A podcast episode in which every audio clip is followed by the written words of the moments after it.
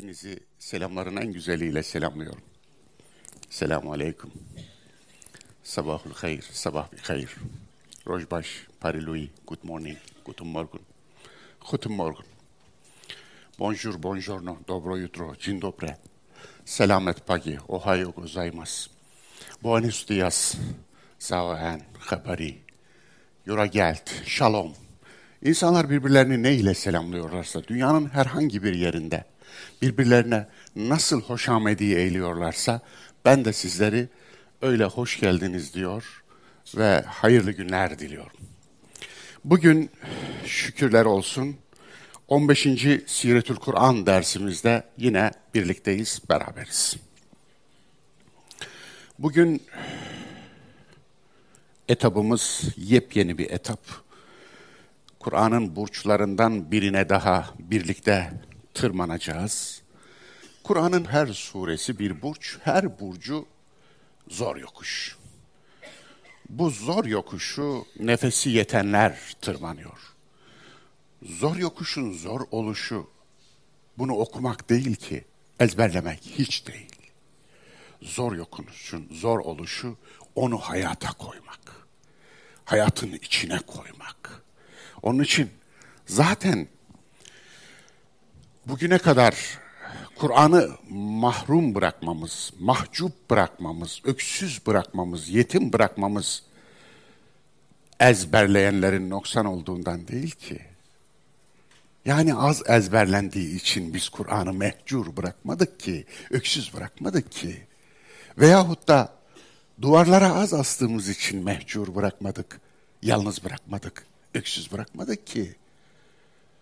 Kur'an'ın zor yokuşunu tırmanmaya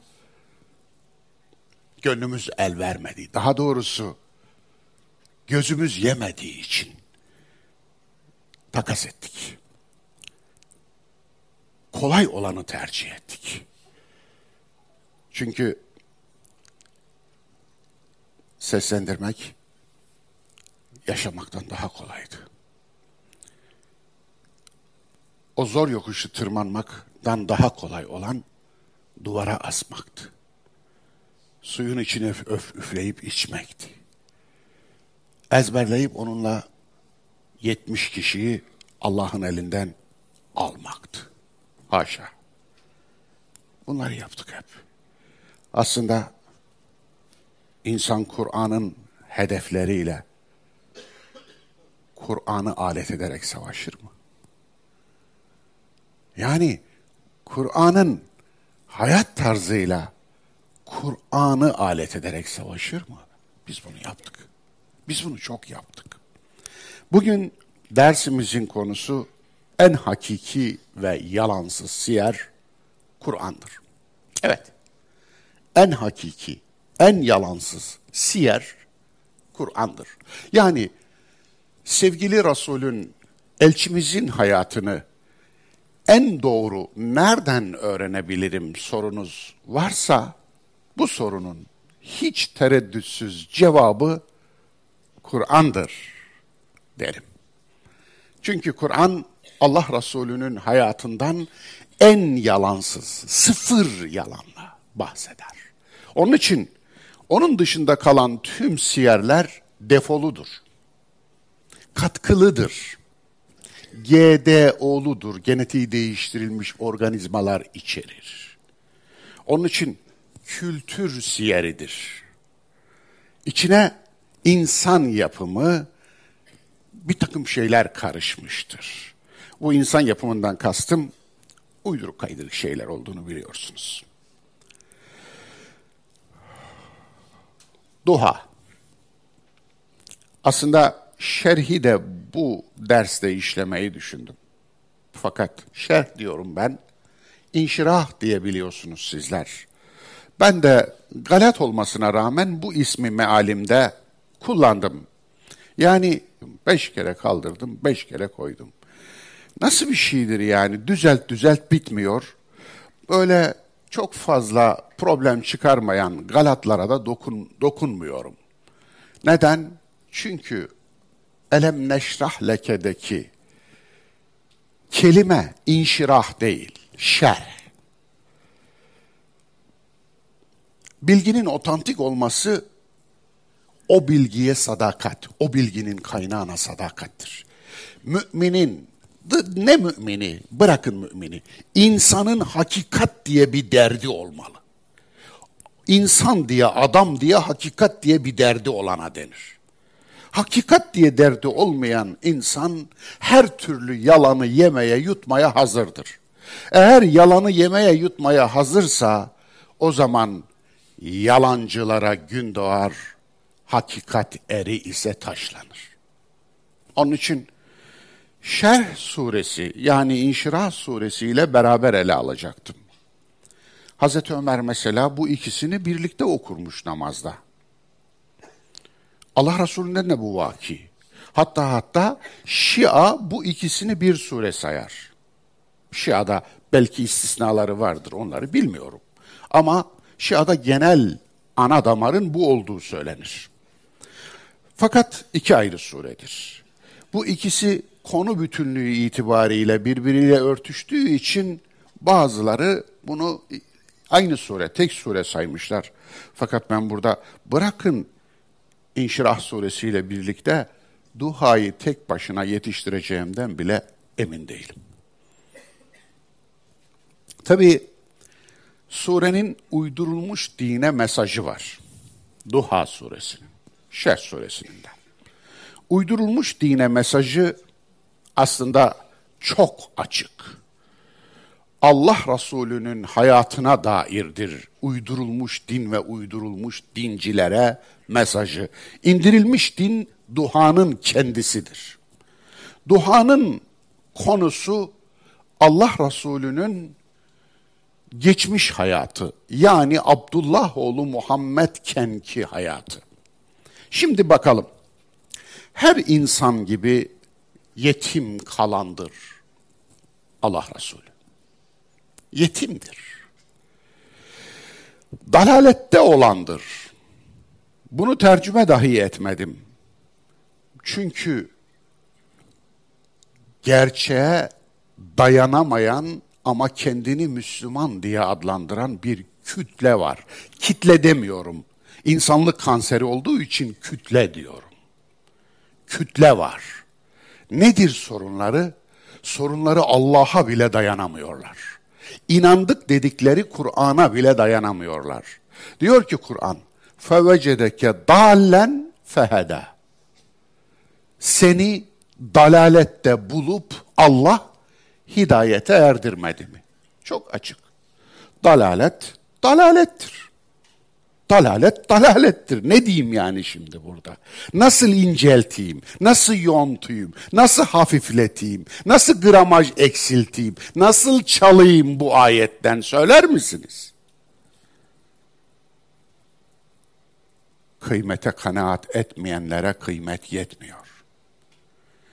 Allah'tan razı olmak budur. Allah'tan razı olmayandan Allah razı olmaz.'' Allah'tan razı olmak, Allah'ın ilahi kelamdan razı olmaktır. İlahi kelamdan razı olmak da bunu böyle bilmektir. Evet, dalalette olandır Abdullah oğlu Muhammed. Her insan gibi yetim kalandır, eksilendir yani. Muhtaç halde birilerine yük olandır. Evet, 8. ayet. فَوَجَدَكَ ailen. Seni birilerine yük olarak buldu. Feagna. Yok, zengin yapmadı. O demek değil. Servetten müstahni kıldı. Dünyaya eyvallah etmez biri kıldı. Geleceğiz. İçi daralan, yüreği sıkışan biri. İnşirah bir. Elem neşrah leke sadrak.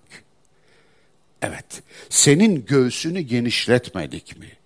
Göğsünü genişletmedik mi? Göğsüm daralıyor, içim daralıyor, içim sıkışıyor cümlesini ettiğinizde siz içinizin santimetresinin, santimetre küpünün daraldığını mı söylüyorsunuz? Ki göğsünüzün genişletmesini söyleyince açık kalp ameliyatı bize tarif ediyorsunuz. Bu mu yani? Dolayısıyla oraya da geleceğiz. İçi daralan biridir Abdullah oğlu Muhammed. Yüreği sıkışan biridir. Ağır sorumluluktan beli ikili ikiye bükülen biridir. وَدَعْنَا عَنْكَ وِزْرَكَ الَّذ۪ي اَنْقَدَ ظَهْرَكَ Senin yükünü sırtından aldı. O yük ki belini ikiye katlamıştı. Zorlanan ve onları aşmak için çaba gösteren Şerh suresi, İnşirah suresi 5. ayet. Yani böyle bir çerçeve çizdim. Kur'an'da elçilik öncesi hayatına dair en sağlam veriler bunlar. Peki sevgili peygamberimizin elçilik öncesi hayatına dair Kur'an daha fazla bilgiyi niye vermedi? Güzel bir soru aslında bu soru. Niye vermedi biliyor musunuz? Bize örnek olan elçi olmadan önceki Abdullah oğlu Muhammed değil de ondan. Bilmem anlatabiliyor muyum? Yani bize örnek gösterilen Allah Resulü Muhammed. Abdullah oğlu Muhammed değil. O ancak bize ibret olarak gösterilir. Ve bakın böyleydi Allah böyle yaptı. Yani Allah Resulü'nün yetim olması örnek gösterilecek bir şey değil ki. Yani yetim olmak sünnettir diyemezsiniz ki. Böyle bir cümle kuramazsınız ki. Ben kurdum başıma neler geldiğini bilmiyor musunuz? Dolayısıyla yani cümle çomar yani ehli sünnet vel çomarin üstüme şehvetle saldırdılar. Anlamak bile istemediler. Anlamak bile istemediler. Zira öğrenecek yerlerini elleriyle yok etmiştiler. Eğitilemez bir güruh.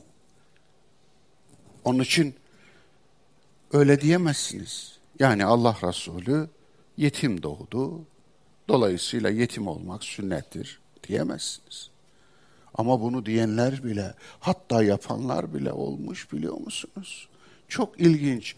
63 yaşında öldü diye 63 yaşından itibaren mezar gibi bir yer eştirip oraya girenler var biliyor musunuz tarihte? Evet. Karıştırın, araştırın kitapları ve sayfa numaralarını bulursunuz. İlginçtir. Böyle de anlayanlar oluyor. Garip.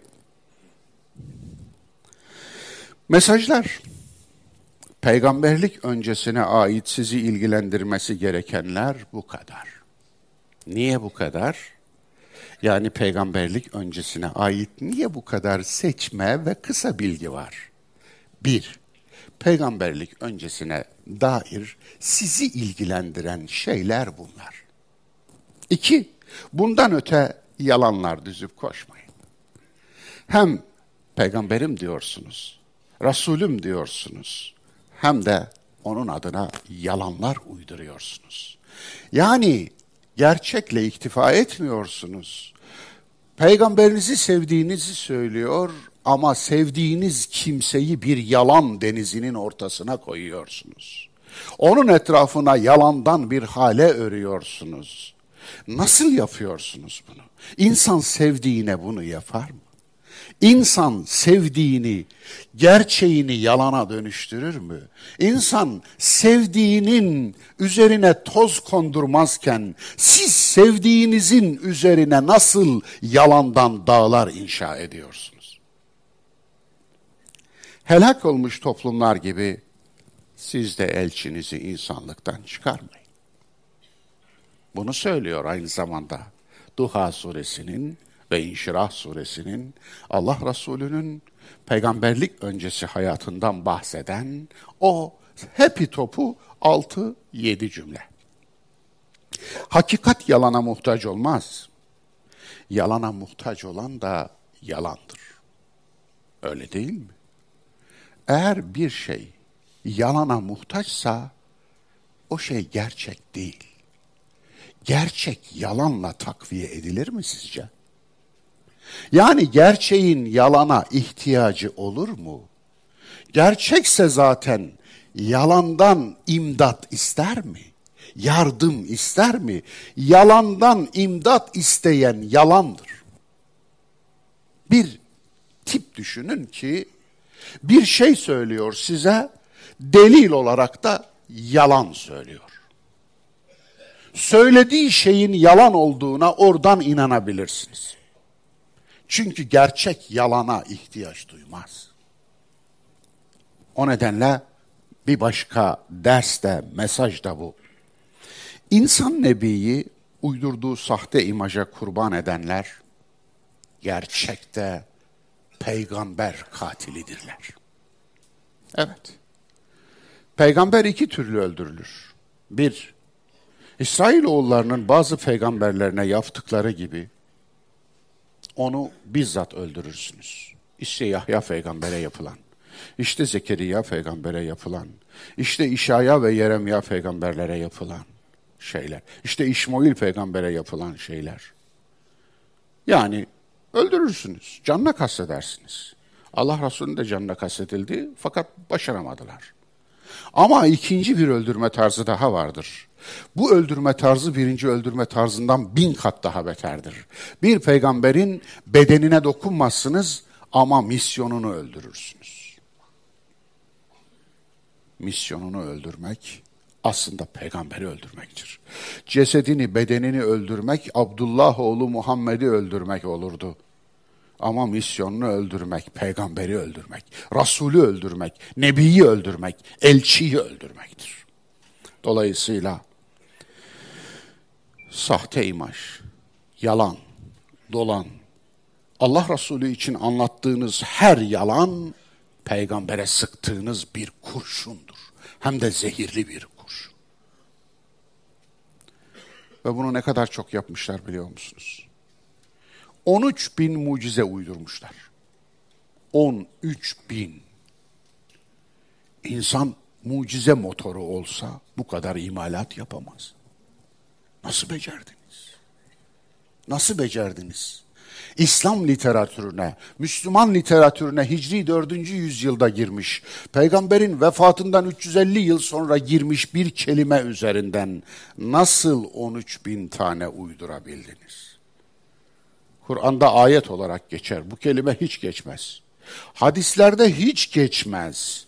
Ne sahihinde, ne zayıfında, hatta ne uydurmasında mevzuunda hiç geçmez.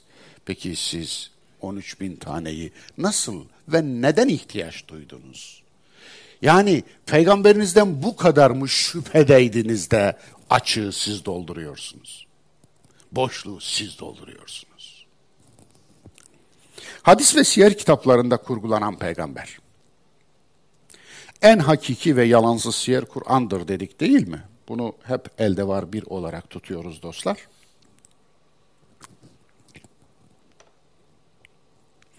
ana rahmine düşmeden peygamber olacağı müjdelendi. Yalanlardan bir demet.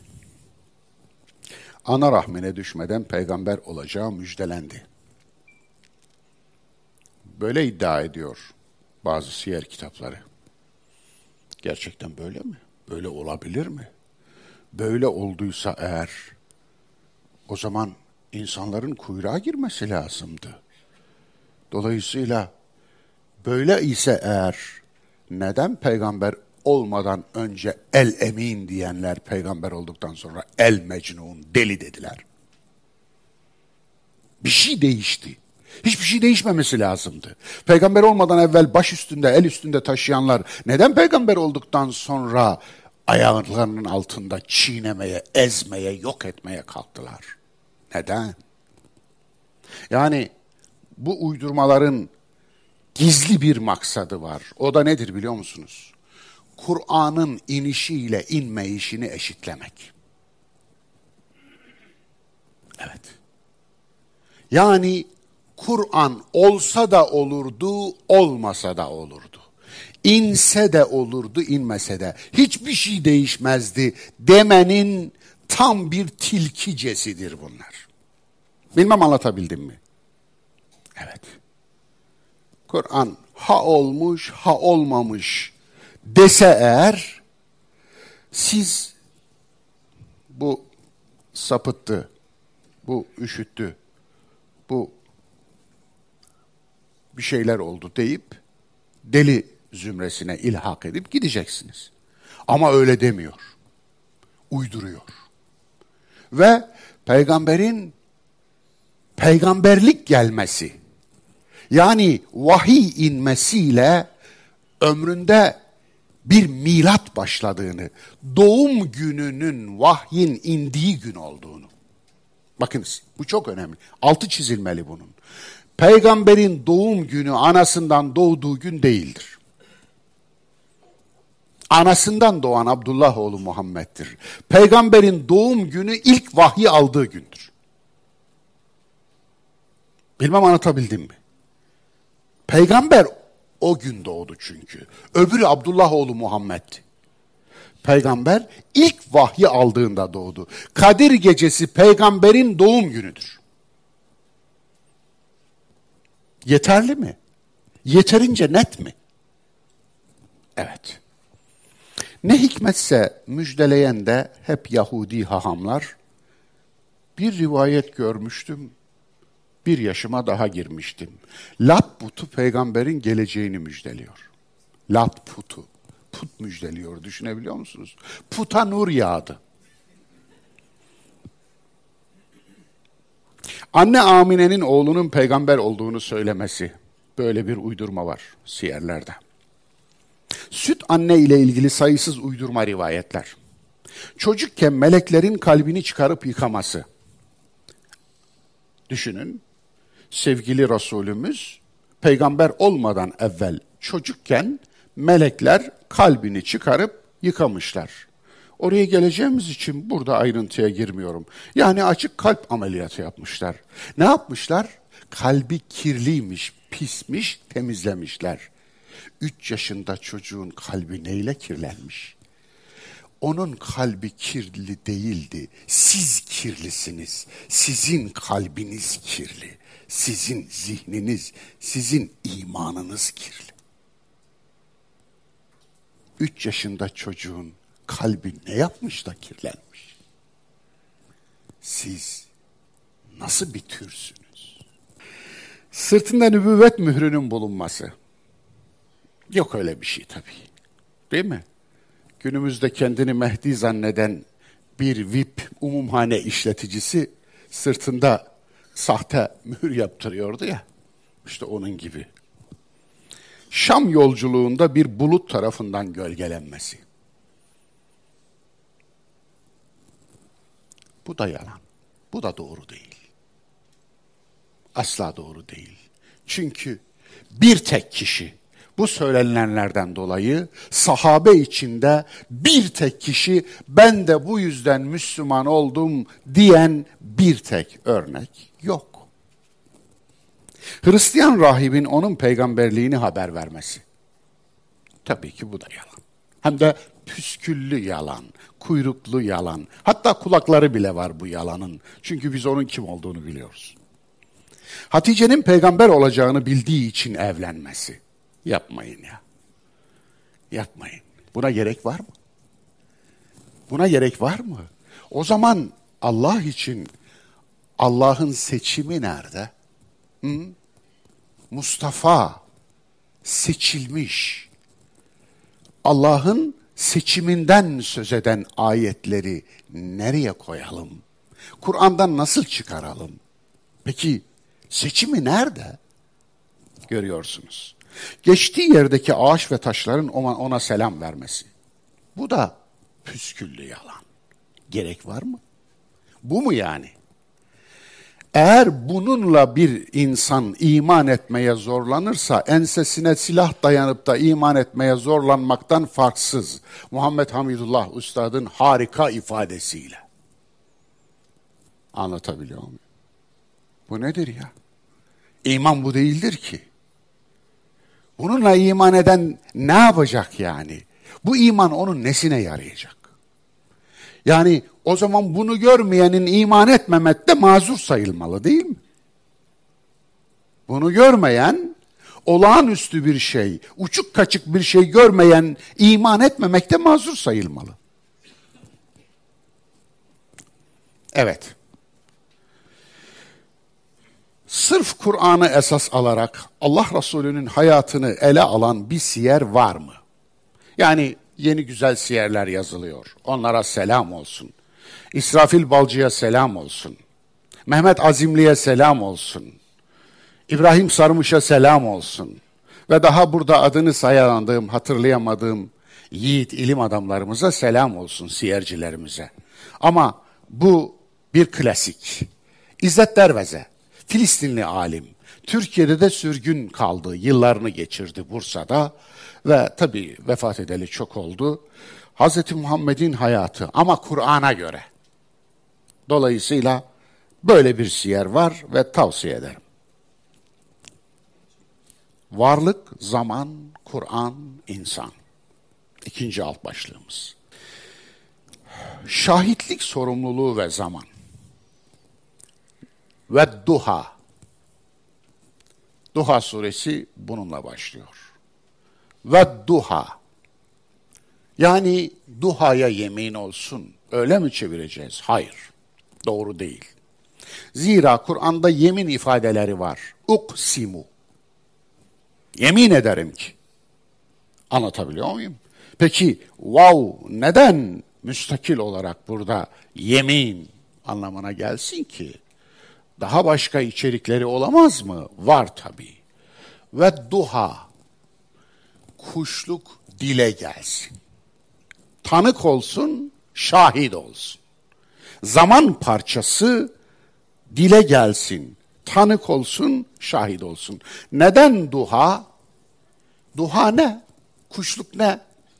Günün ışımaya başladığı en belirgin vakit. Günün ışımaya yani günaydın denilmeyi layık olan, hak eden zaman parçası. Ve duha. Ona geleceğim de burada virgül koyayım. Vel asr. Ne demek asr?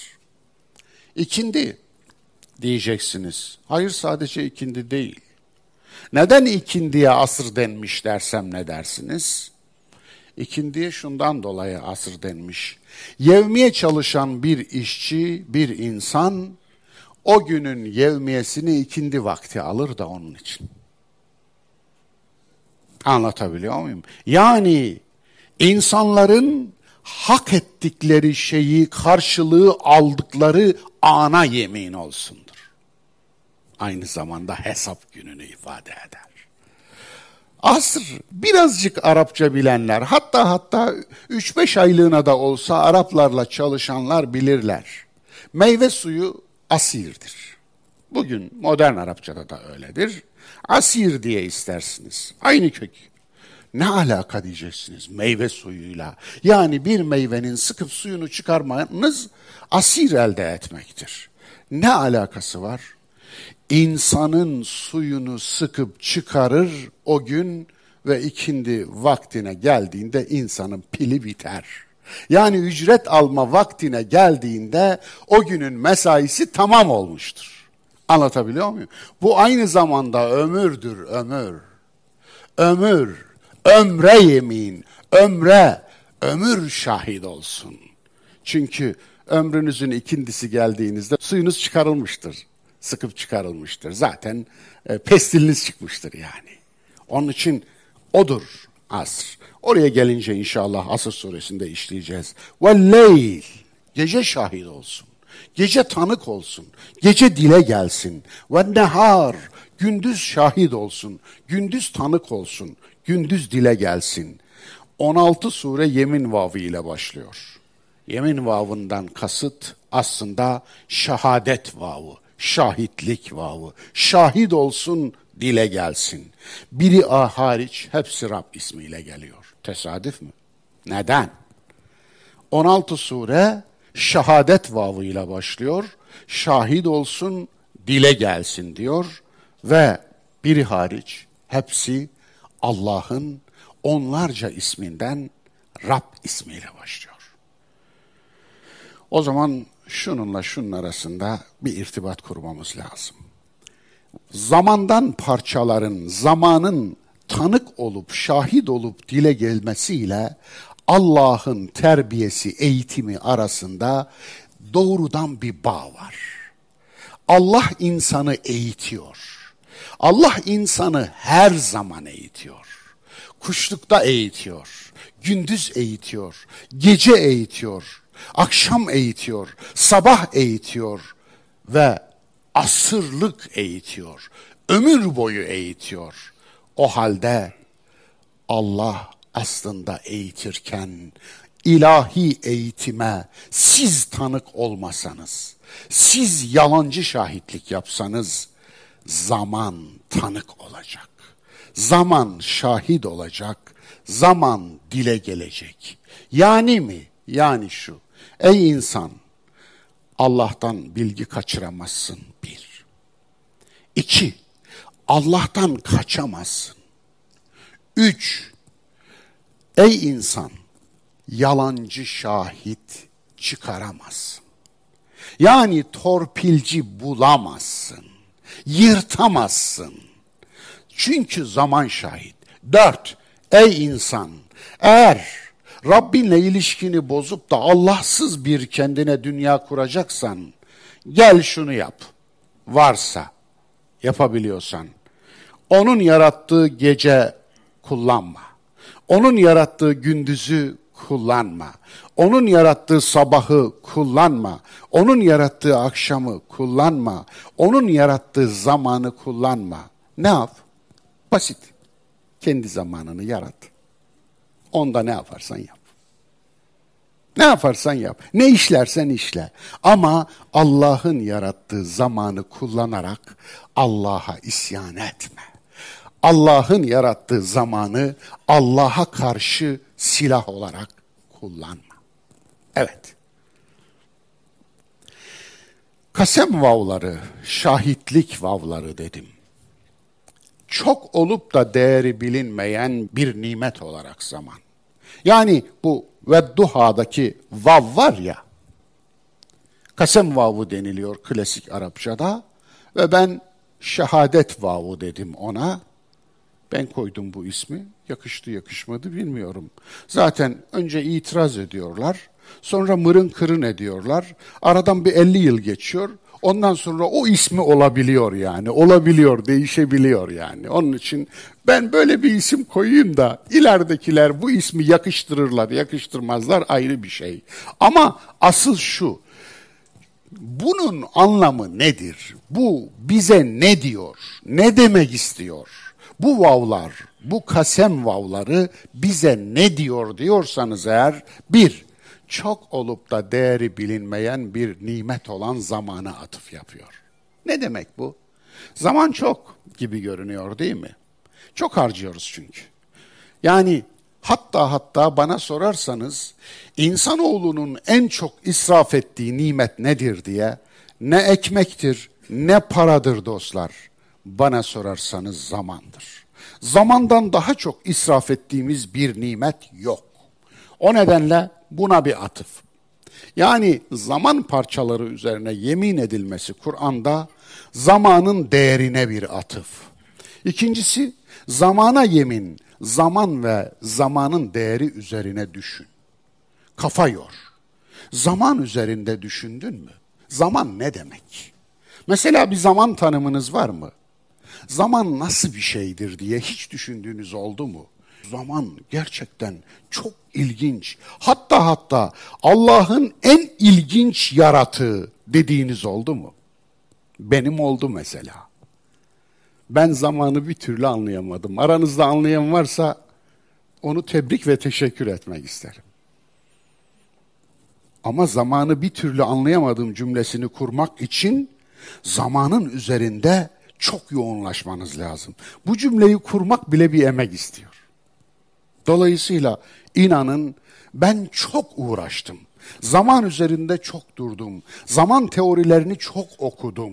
Gerçekten kaç kitap okuduğumu bilmiyorum ama yani bu zaman konusunda eski Yunan filozoflarından tutun da İslam düşünürlerine, Ondan sonra batılı düşünürlere ve en son zamanın gerçekten de üzerinde e, hayli emek sarf etmiş ve bir yasayı keşfetmiş ve onu da artık insanlığın evrensel dağarcığına armağan etmiş olan Einstein'ın teorilerini gerek genel görelilik teorisi gerek özel görelilik teorisi üzerine çok şey okudum ama ben zamanın ne olduğu konusunda son noktayı koydum diyemem.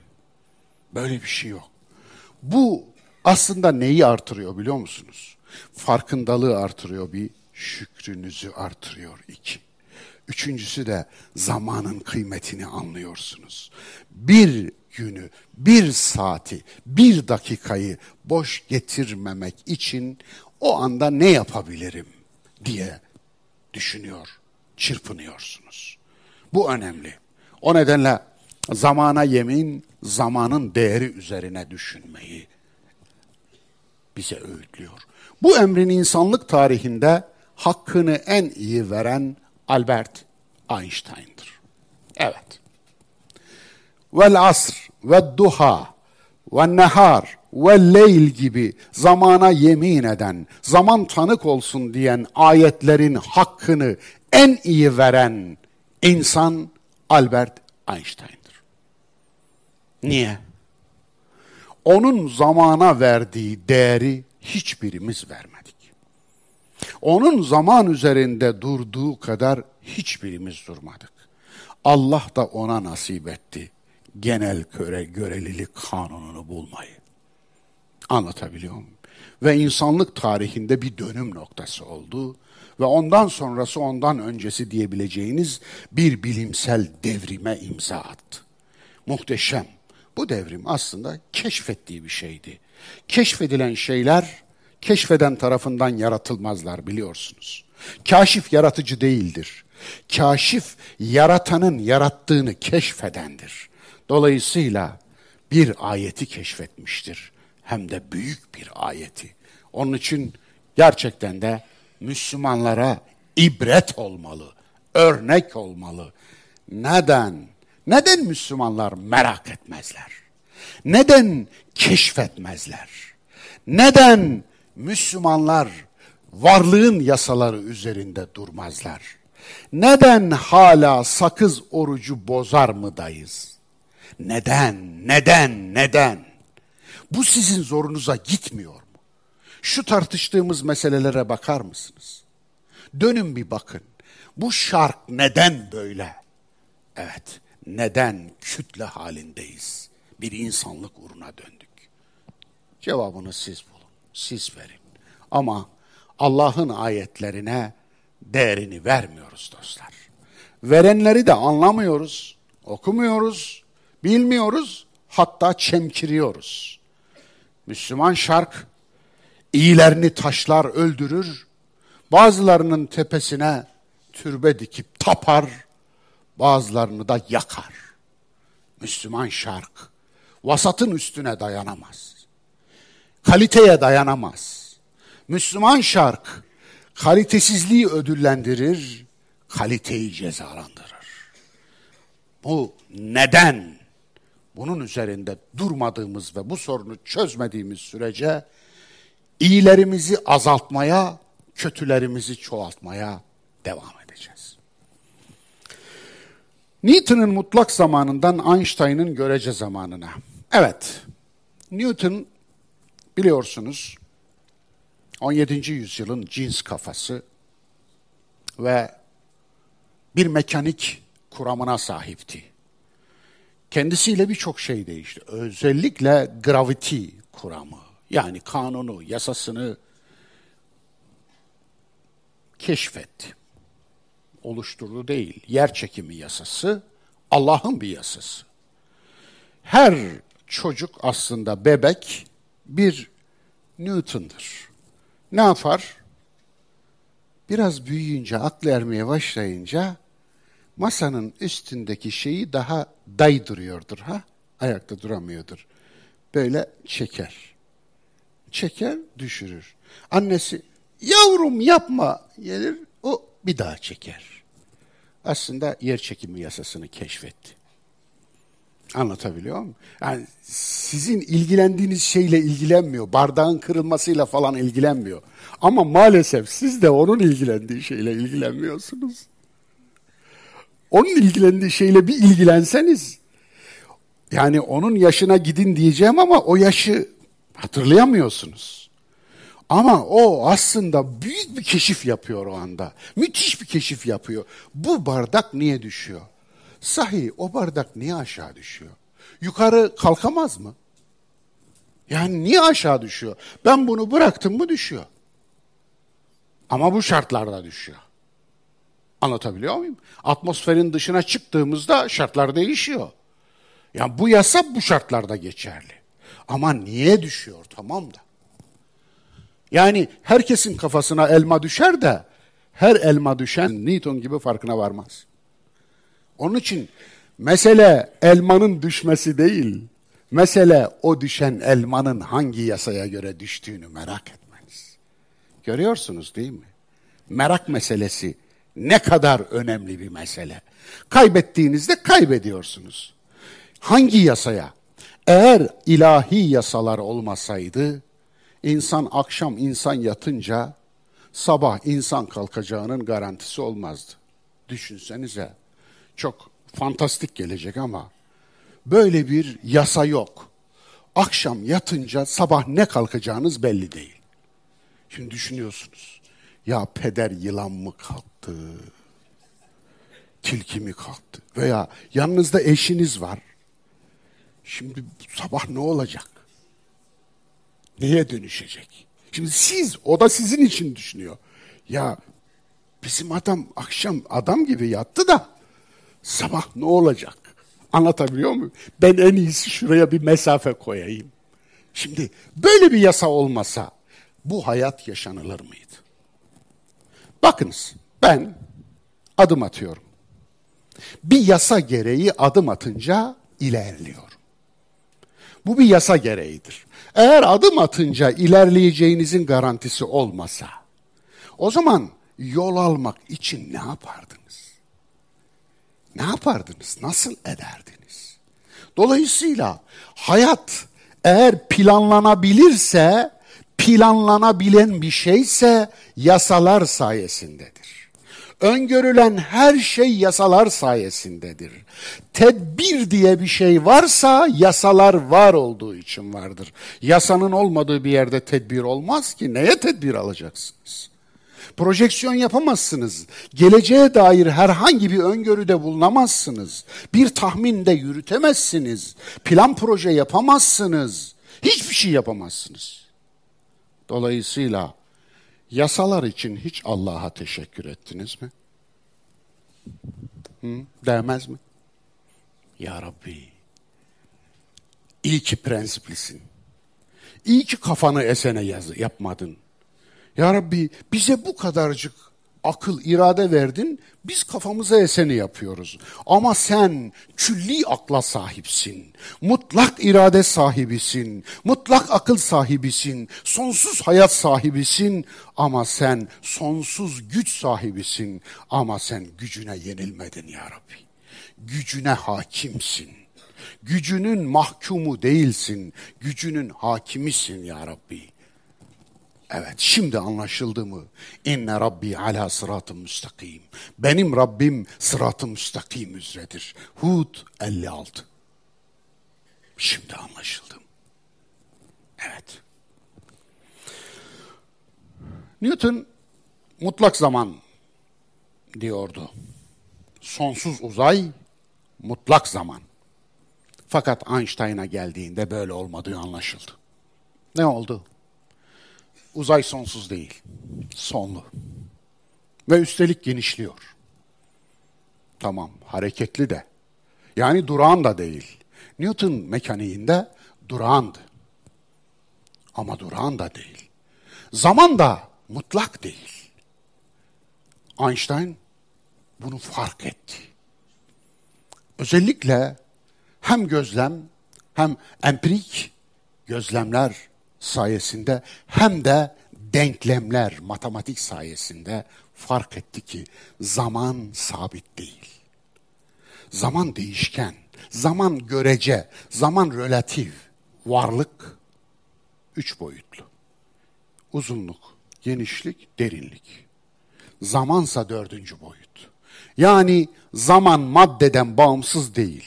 Zaman maddenin dördüncü boyutu. Madde var olunca var oluyor zaman. Madde var olmayınca olmuyor. Allah için zaman geçmez onun için. Aslında oradan çıkardım bir numaralı yasa. Allah olacağı bilir mi? Sorunu al, git. Niye? Olacak. Cak ne? Cak ne? O senin için geçerli. Dün, bugün ve yarın senin için geçerli. Ki o da relatif, o da nispi, o da görece. Hız arttı mı zaman düşüyor. Anlatabiliyor muyum? Hatta uçaktaki bir insanın zamanı yerdeki bir insanın zamanından daha yavaş. Ama bu mikrosaniyeler ölçeğinde. Siz bu uçağı 900 kilometre hızla değil de bu uçağın 9 milyon kilometre hızla gittiğini düşünün. O zaman iş bambaşka oluyor. Veya bu uşağın şimdi ışık hızına madde olarak erişmek mümkün değil fiziki yasalar gereği. Ama ışık hızının bir eşik altına erişmek mümkün. Işık hızı bir e, ışığın saniyede aldığı yol 300 bin yaklaşık tabii 299 virgül o, o, o rakam bitmez. O rakamın sonu yok. 3 milyar rakam yazabilirsiniz, yuvarlayamazsınız. Ama öyle, yuvarlayalım biz. 300 bin kilometre bir saniyede ışığın aldığı yol. Şimdi bunun biraz altına kadar hızlanabilen bir araç yapsanız ne olur? Ne olur biliyor musunuz? Ee, çocuğunuzun, torununuzun, hatta torununuzun torununun cenazesini kılarsınız. Siz bu yaşta, o ise bembeyaz ağarmış, saçı sakalı. Anlatabiliyor muyum? Yani torununuz dedeniz haline gelir. Dedesi olan siz de torunu gibi görünürsünüz. Çok kafanız karıştı mı? Anlamanız için bir film tavsiye edeceğim sonunda. Görsel. Evet. Dolayısıyla Allah zamanı böyle yaratmış. Müthiş. Zamanı tanık tutmak zımnen nedir? Ey insan! Allah'a karşı delil karartamazsın. Ve duha. Kuşluğa yemin olsun. Yani kuşluk şahit olsun. Kuşluk dile gelsin.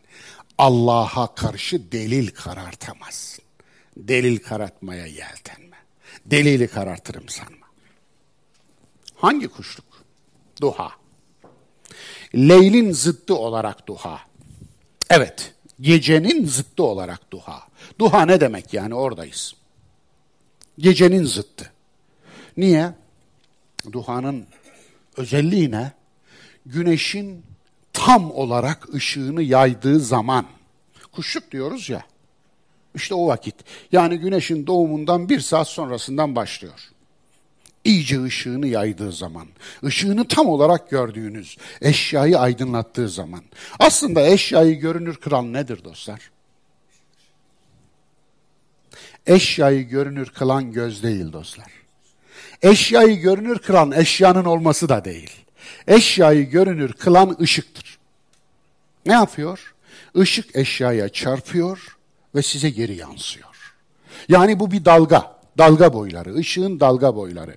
Renk dediğiniz bir şey gerçekte yok. Renk diye bir şey yok. Ne var? Işığın dalga boyları var. Sadece ışığın dalga boyları var. Bu dalga boyları değişiyor, siz o değişimleri renk olarak algılıyorsunuz. Beyniniz daha doğrusu. Beyninizin karanlık odasının arkasında bu görme bölümü, gören bölümü. Dolayısıyla Öyle algılıyorsunuz. Karanlığın zıttı olarak aydınlık. Burada manevi bir anlam var. O da nedir? Ve duha. Kuşluğa yemin olsun. Karanlık da mecazi, kuşluk da mecazi. Eğer manevi ol alana taşarsak bunu, karanlık nedir? Cehalettir. Karanlık nedir? Şirktir. Karanlık nedir? Ön yargıdır. Karanlık nedir? Sığlıktır. Karanlık nedir? Öğrenememektir. Karanlık nedir? İşte budur. Dolayısıyla aydınlık nedir? Aydınlık ilimdir. İlim ışıktır. Bilgi ışıktır. Onun için cehalet karanlığını bilgi ışığı ile aydınlatırsınız. Ve duha aynı zamanda bilginin ışığına şahit olsun, dile gelsin demektir. Ve duha aynı zamanda vahyin yokluğu karanlıktı, vahyin varlığı aydınlık olarak nitelenmiştir. Vahyin varlığı. Onun için vahyin ışığı dile gelsin. Vahyin ışığı insanın akleden kalbini aydınlattığı zaman o zaman işte geceniz son vurmuş olur. Ona yemin olsun. Allah Resulü'nün kararmış olan akleden kalbine vahyin ışığı düşünce ap ak oldu. Duha oldu. Kuşluk oldu. Dostlar iki güneş vardır. Biri dışarıdadır, biri içeridedir. Dışarıdaki güneş eşyayı aydınlatır ve siz eşyayı görürsünüz. İçerideki güneş sizi aydınlatır. Kendinizi aydınlatır. Kendinizi görürsünüz. Kendinizi bilirsiniz. Kendimizi biliriz. Kişinin kendisini fark etmesi asıl güneş hangisi derseniz ve demezsiniz değil mi? Asıl güneş odur. Ve şunu söyleyeyim, gözü görmeyenler de o güneşi görürler. İnsan görme engelli olabilir. Hepimiz engelli adayız biliyorsunuz. Buradan eve giderken buraya geldiğimiz organlarımızla dönemeyebiliriz. Bunun garantisi var mı? İnanın bunu hep cebinizde tutun ne olur. Ben bir engelli adayıyım. Eve giderken buraya gelirken ki organlarımla döneceğime dair hiçbir garantim yok. Dolayısıyla bu engellilik değildir dostlar. Engel, gerçek engel bu değildir. Gerçek özürlülük bu değildir. Gerçek özürlülük içerideki ışığın görünmemesidir. İçinizdeki güneşi kaybetmektir. Kendinizi görememektir. Kendimizi görememektir. Onun için eğer özürlülükten söz edilecekse asıl bu özürlerden söz edilmeli ve bu özürlüler rehabilite edilmeli. Cehaletin zıttı olarak bilgi, onu söyledim. Rabbi insanı bırakır mı? Bu çok önemli. 3-5. ayetler arası. Ma vedda'ake rabbuke ve ma qala. Rabbin seni ne terk etti ne de darıldı.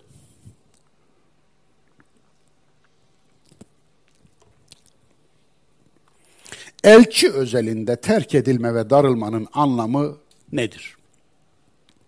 Bize siyerciler şöyle bir şey aktarıyorlar. Bir ara vahiy kesildi. Hem de vahyin başlangıcında oldu bu. Buna fetreti vahiy adını vermişler. Vahiy fetreti. Bir ara kesildi. Vahiy kesilince Allah Resulü telaşa düştü. Zannetti ki Rabbim bana darıldı ve beni terk etti. Şimdi biz siyercilerden ayrıntı istiyoruz. Ne kadar kesildi? Bazı siyerciler diyor ki üç gün. Bazı siyerciler diyor ki bir hafta. Bazı siyerciler diyor ki on beş gün. Bazı siyerciler diyor ki üç yıl. İş karıştı. Üç gün tamam da üç yılı üç günle yan yana koyduğunuzda tüm orantıları çöpe döküyorsunuz. Bir izah kalmıyor ortada. Çünkü üç gün ve üç yılın olduğu bir yerde bir orantı yok. Siz şaka mı yapıyorsunuz dememiz lazım. Yani öyle bir şey Göster ki bana öyle alternatifler göster ki 3 gün, 1 hafta, 15 gün birbirine yakındır. Biz bunlar arasında seçim yaparız. 1 yıl, 2 yıl, 3 yıl da birbirine yakındır. Biz bunlar arasında da seçim yaparız. Ama şunu yapamayız. Bana önüme rakam seriyorsun. 3 gün, 1 hafta, 3 yıl diyorsun. İşte ben burada dururum. Böyle bir kıyas yok. O zaman bir yanlışlık var. Bir şeyleri yanlış anlamışsınız. Bir şeyleri yanlış aktarıyorsunuz. Burada bir ya yalan var, ya cehalet var, ya uydurma var, ya var var var. O zaman ne yapacağız? Aslında gerçek bir vahiy kesintisinden söz edilemez. Çünkü 6236 ayetlik bir metin, bir hitap diyelim daha doğru ifadesiyle 23 yılda iniyor. 6236 ayet de ayet ayet inmiyor.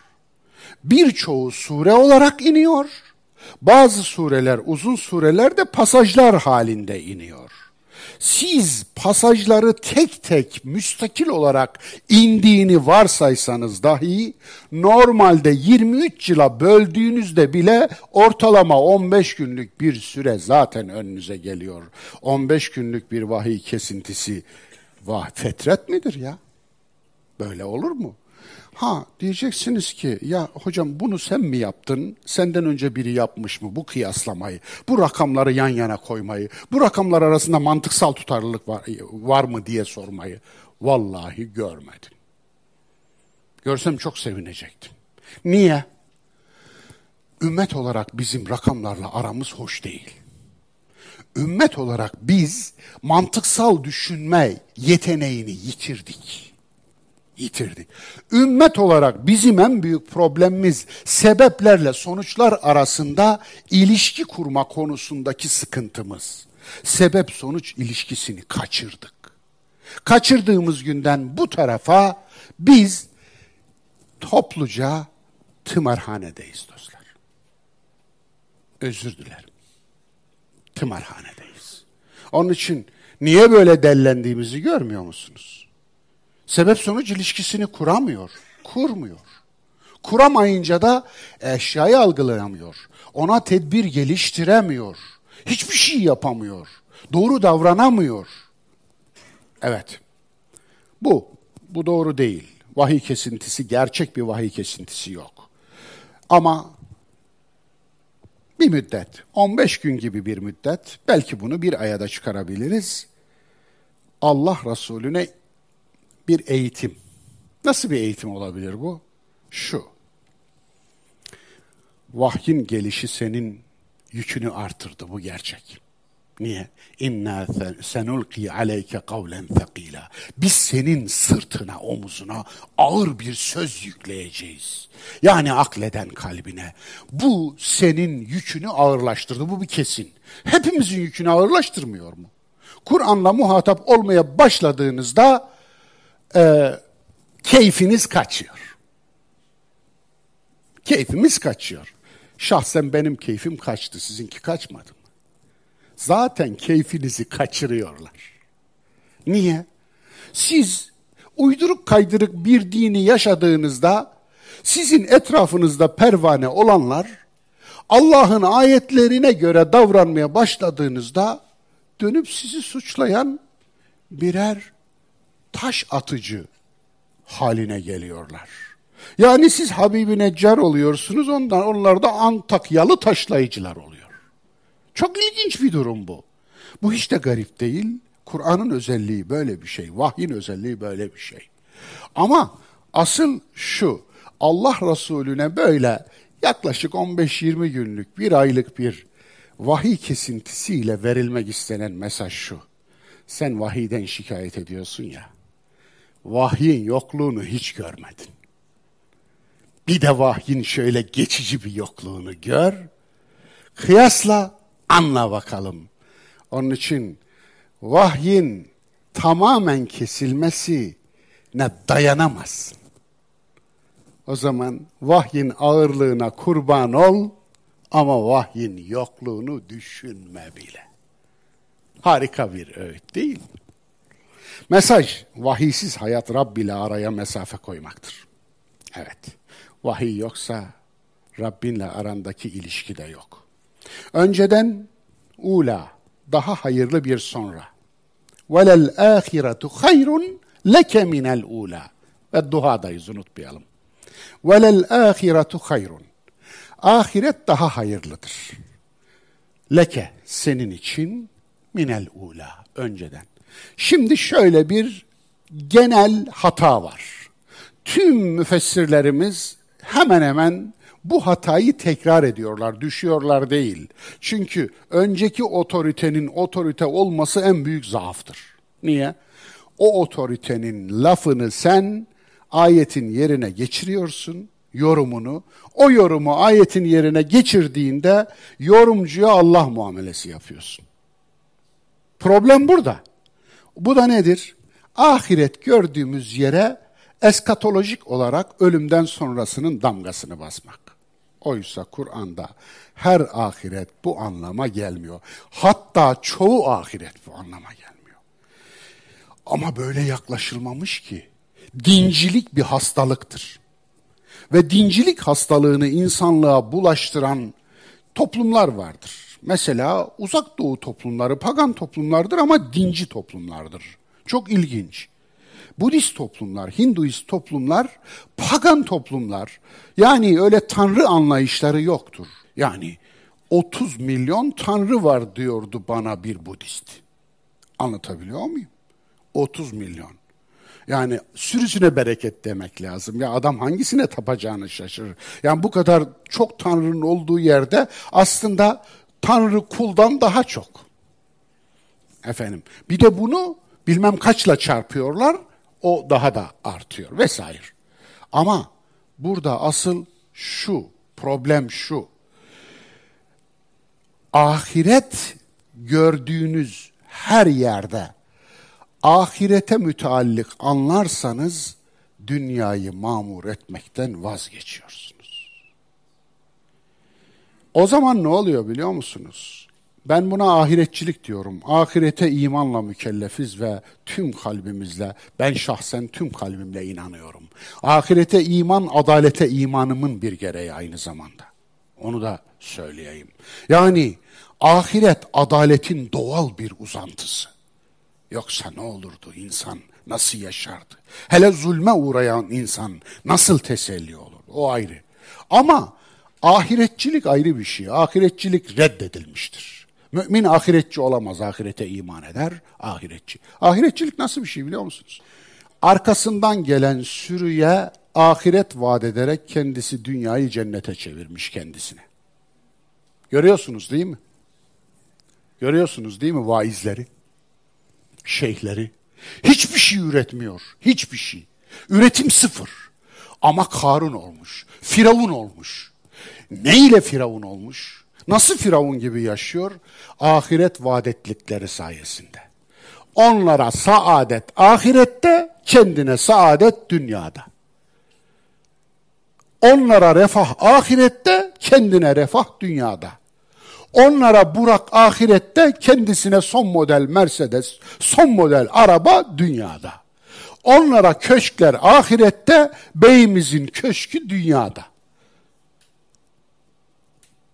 Ona şöyle demek lazım. Ver şu kaşığı da biraz da biz ölelim.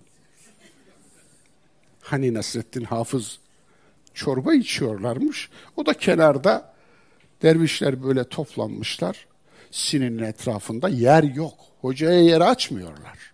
Efendim bir de hepsi ağzına atıyormuş löp öldüm öldüm öldüm öldüm öldüm diyormuş. Atıyormuş öldüm öldüm öldüm öldüm. Dayanamamış hoca. Ver şu kaşığı da demiş biraz da biz ölelim. Yani bu şeyhler müritlerine kaşığı versinler de biraz da müritler ölsünler ya. Ama böyle tencerenin böyle kapağı. Evet bu vaizler. Görüyorsunuz Karun gibi yaşıyorlar, Harun pozu satıyorlar. Her türlü iblisliği yapıyorlar ama İdris pozu veriyorlar. Onun için Yok böyle bir şey. Bu oyunu bozmazsak eğer ne olur biliyor musunuz? Allah üzerimizden elini çeker. Elini çeker. Çekti bile. çekti bile. Allah'ın dinini maskaraya sokarsınız da Allah elini çekmez mi? Evet. Her ahireti ölüm sonrası sanmak hayatı öldürmektir. Tamam. Yu'tike rabbuke'nin eğitim eksenli anlamı nedir? Evet. Yu'tike rabbuke. Rabbin sana verdi. Evet verecek. Veya fiil musari. Rabbin sana verecek. Sen de razı olacaksın. Niye Rabbin? O Rab yerine başka bir isim olamaz mıydı? Onlarca Allah'ın ismi var. Evet, yine biliyorsunuz. Eğitim. Rab gördüğünüz yerde eğitimi hatırlayın. Allah'ın eğitiminden bahsediliyor. Rabbin sana nasıl verecek? Eğitecek seni. Eğitecek. Rabbin seni eğitecek. Fetarda sen de razı olacaksın. Rabbinin eğitiminden razı olacaksın. Adamı Allah eğitirse ne olur? Böyle eder. Ne diyordu Seyranimiz? Allah'a diyor. Seni seven için bu hale düşer. Ne diyordu sevgili Resul? Seni seviyorum ya Resulallah. Gerçekten mi? Gerçekten ya Resulallah. O halde belalara hazır ol. Eyvallah. Yu'tike Rabbuke'nin eğitim eksenli anlamı bu. Feter daha gerçek motivasyon. Allah'tan razı olacaksın.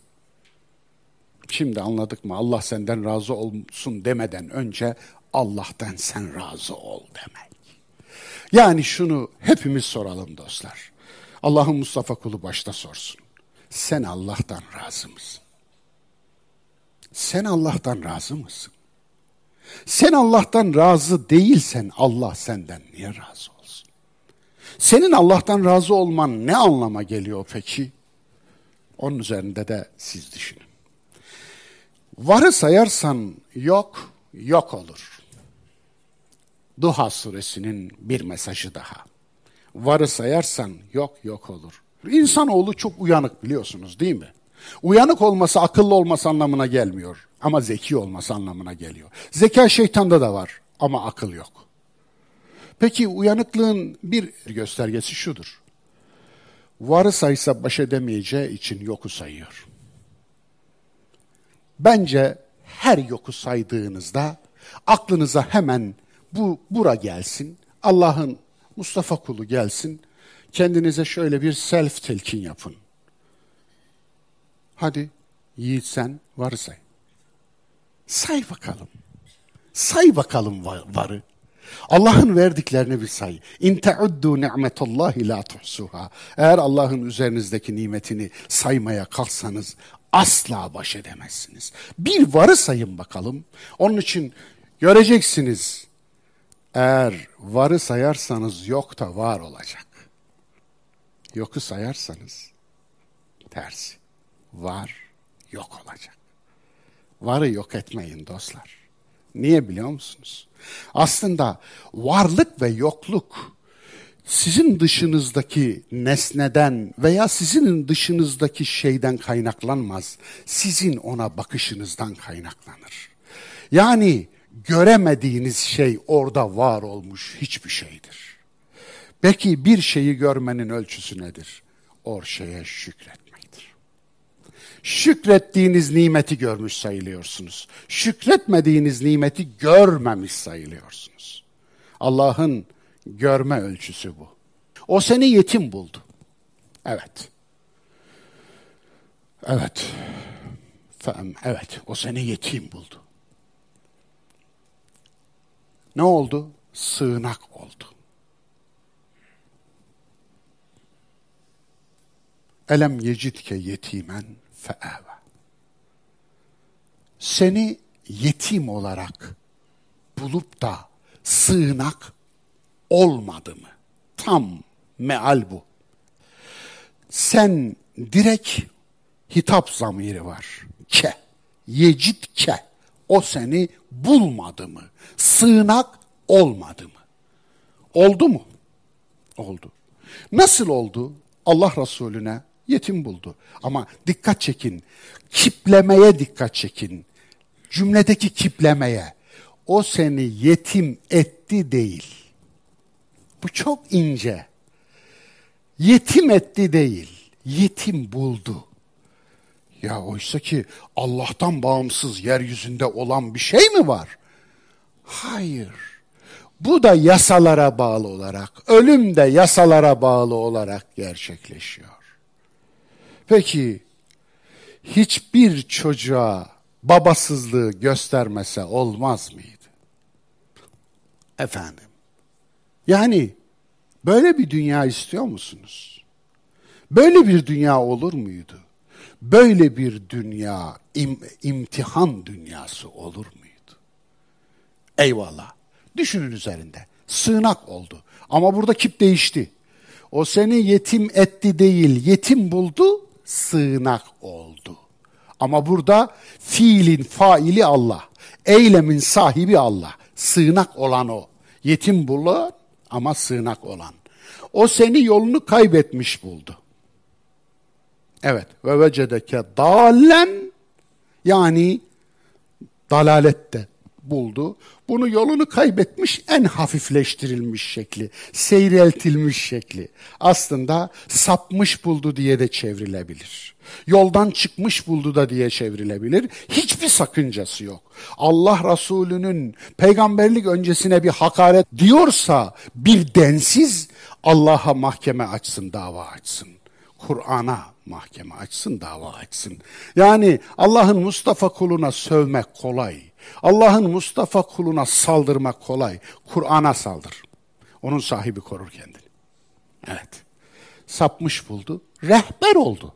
Feheda. Yani hidayete erdirdi. Doğru yola yöneltti. Hidayete nasıl erdirdi dostlar? Salona soruyorum. Efendim? Allah Resulü'nü sapmış olarak bulup da hidayete nasıl erdirdi? Bir tek cevabı var. O kadar net, o kadar basit, o kadar kolay bir cevap ki Kur'an hidayetin kendisidir. Kur'an hidayettir. Çok basit cevap. Çok basit. Kur'an'ı göndererek Resulünü hidayete erdirdi. Rehberlik yaptı. O seni bakıma muhtaç buldu. Ve vecedeke ailen feagna. Müstegni kıldı. Biraz önce de değinmiştim. Bakıma muhtaç idi gerçekten.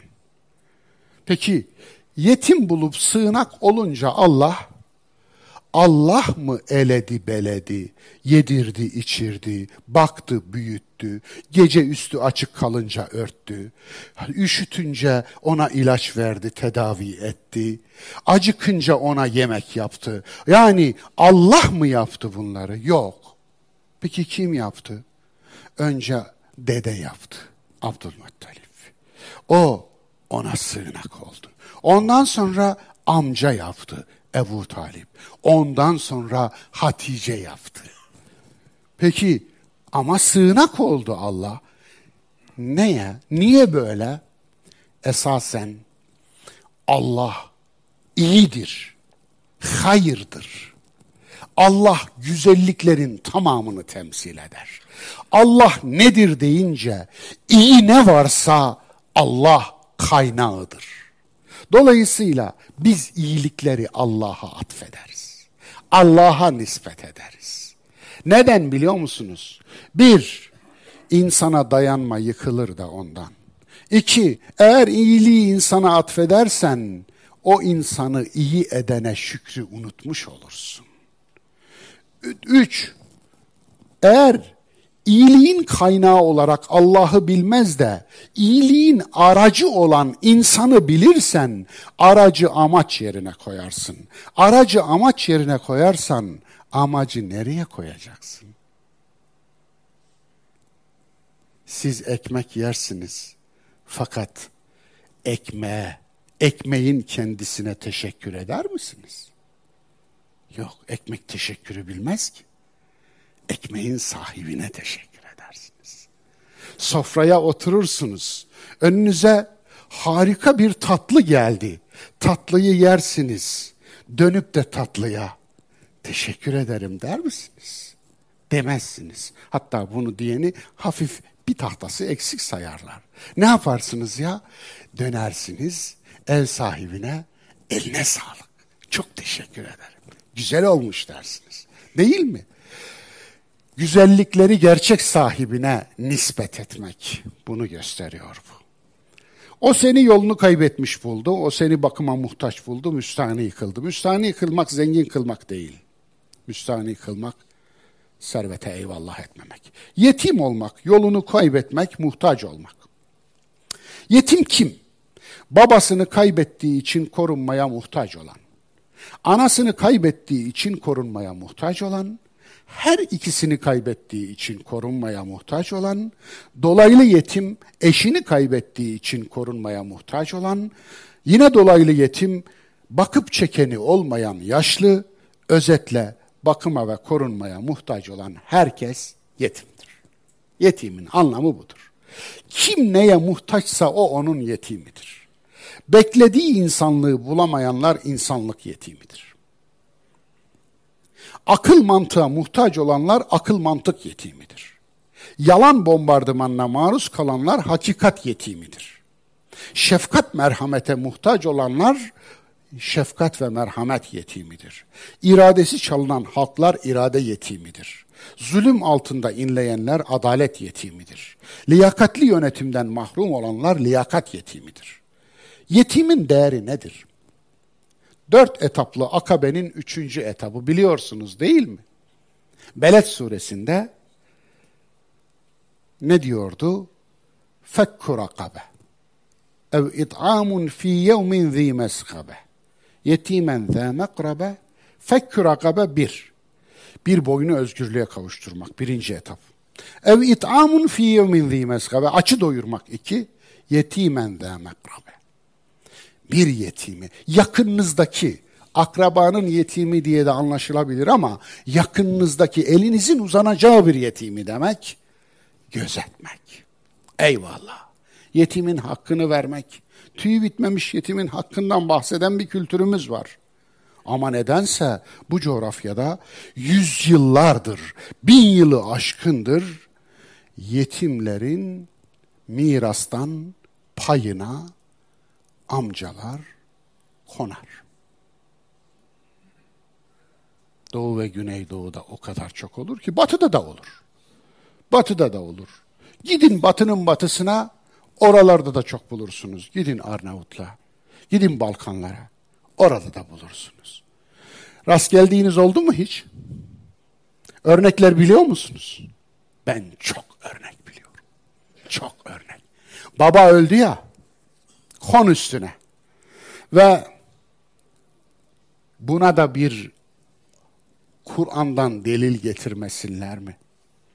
Saçınızı başınızı yolun. Neymiş delil? Nisa suresinin 11. ayetinin konusu mirasta oranlardan bahseder. Miras oranları. Meğer bu miras olanlarını sayan ayetin içinde geçen sınıfın içinde babası ölmüş çocuklar yokmuş. İyi mi? Yani dededen miras kalıyor. Dededen kalan mirası sadece yaşayan evlatlar paylaşıyor. Ama dedenin çocuklarından biri dede hayattayken ölmüş, o da yetimler bırakmışsa onlar kocaman bir avuç yalama alıyorlar. Affedersiniz. Buna da dede mahrumu adı verilmiş. Bunun adı var biliyor musunuz fıkıhta? Fıkıh bu fıkıh. Tefakkuhsuz fıkıh. Zalim fıkıh ve Allah'ın ayetini bir de alet etmiyorlar mı? Siz Kur'an'ın genel ilkeleri içinde adaleti görmediniz mi?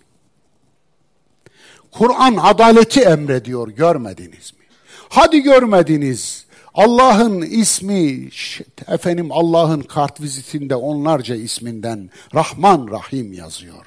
Şefkat ve merhameti görmediniz? Hadi onu da görmediniz. Nisa 11. ayeti gördüğünüzde yetimlere orantısız olarak mirastan vermeyi söyleyen Nisa 8'i görmediniz mi? 8'den 11'e varmaya daha 2 tane 3 tane adımınız var. 8, 9, 10, 11. Niye üsttekileri görmediniz? Yoksa Allah namaza yaklaşmayın diyor. mu diyorsunuz? La takrabus salah. Salata yaklaşmayın. Yani ve entüm sükara geliyor arkasından. E ama o kadar da değil ben hafız değilim mi diyorsunuz yoksa? Anlatabiliyor muyum? Yani sarhoşken namaza yaklaşmayın, e, hafız değilim. Ben o kadarını biliyorum. Ya Allah'ın emrini tutuyorum, salata yaklaşmıyorum. Böyle mi diyorsunuz? Peki Bektaşi'yi niye kınadınız gözüm? He? Siz Bektaşiliği, o kınadığınız, Bektaşi'nin kınadığınız tavrını getirmişsiniz. 1200 yıl evvel fıkıh yapmışsınız. Ve ondan sonra da İslam dünyası felah bulacak öyle mi? Yani yetimlerinizin hakkını yiyerek siz adalet toplumu kuracaktınız öyle mi? Fıkhınızı düzeltin fıkhınızı. Fıkhınızı. Bir de Allah'ı alet ediyorsunuz. Kur'an'ın ha ben bunları şimdi söyledim ya. Bakın siz bu yayınlanır yayınlanmaz çomarlar sürüsü bakın siz aşağıya nasıl hakaret, küfür, tahkir, tezyif, aklınıza ne geliyorsa benim cici çomarım. Öğren, öğren, öğren. Teşekkür et. Niye biliyor musun? Hakikati söylemek bedel ister. Kalbur gibi ciğer ister. Ay kadar yürek ister. Bu da yok. Onun için ben kendimi feda ettim. Evet. Bir beklentim yok. Hiçbir beklentim yok. Beklentisi olan böyle yapar mı ya? Beklentisi olan. Düşünsenize. Söğülmedik hiçbir yakınım kalmadı. Ölmüş annem de dahil. 56 sene önce ölmüş annem de dahil sövülmedik hiçbir yakınım kalmadı. Küfür, tekfir, ölüm tehditleri, ölüm tehditlerini aşan fiili durumlar. Hiçbirini bilmiyorsunuz. Bilmiyorsunuz.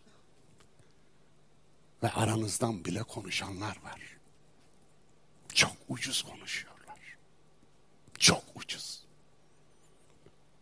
Siz güce tapan bir toplumun üyesisiniz.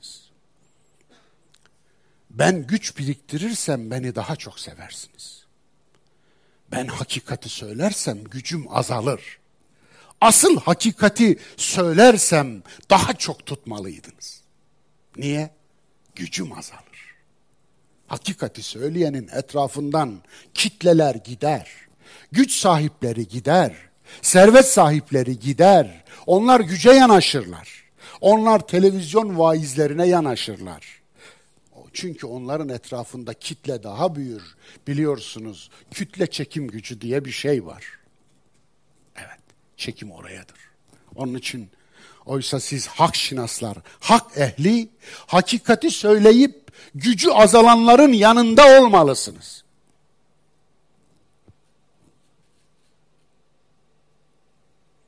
Kur'an'ın amacı hak ve adaleti Kur'an'ın lafzıyla iptal etmek olabilir mi? Kaldı ki 11. ayetteki velet torunu da kapsar. Bu da ilgilisine bir gönderme olsun. Yetime sığınak ve barınak olmak. Yetim Muhammed'e sığınak ve barınak olanlar. Saydım. Savaşlar ve yetim sorunu. Oraya girmeyeyim. Savaşlar yetim üretiyor. Onun için savaşları ben hiç sevmiyorum. Çünkü Allah Resulü sevmedi. Çünkü Allah sevmedi savaşları. Allah Resulü'nün değiştirdiği iki tür isim vardır. Bir, içinde put olan isimler, Allah Resulü'nün büyükleri, dedeleri arasında da put olan isim koyan vardı çocuklarına daha önce işledim ilgili yerde. Ama ikinci değiştirdiği isim neydi biliyor musunuz? Harp. Allah Resulü harp ismi, savaş ismini nerede gördü onu değiştirirdi. Evet. Salonda savaş olan var mı ismi? Yok mu? Evet olsaydı burada değiştirelim diyecektim. Kendisine soracaktım. Vakıflar ve yetimhaneler, darul eytamlar.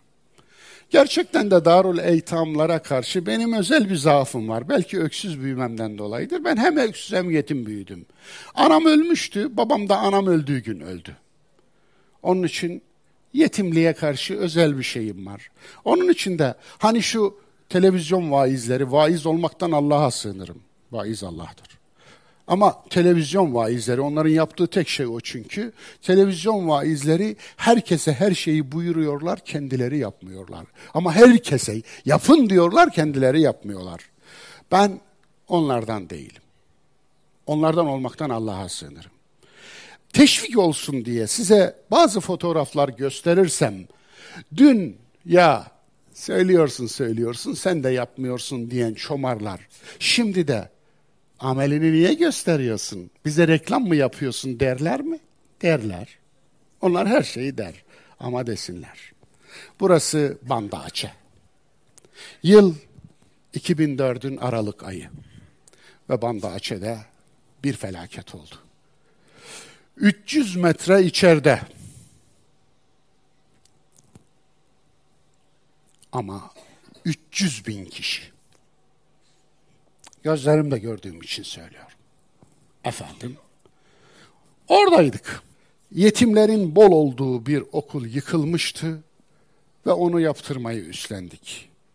Banda Açe'de hamdolsun Darul İhsan Koleji üç dille İngilizce, Arapça ve Endonezya diliyle eğitim yapıyor. Şu anda da hala eğitime devam ediyor.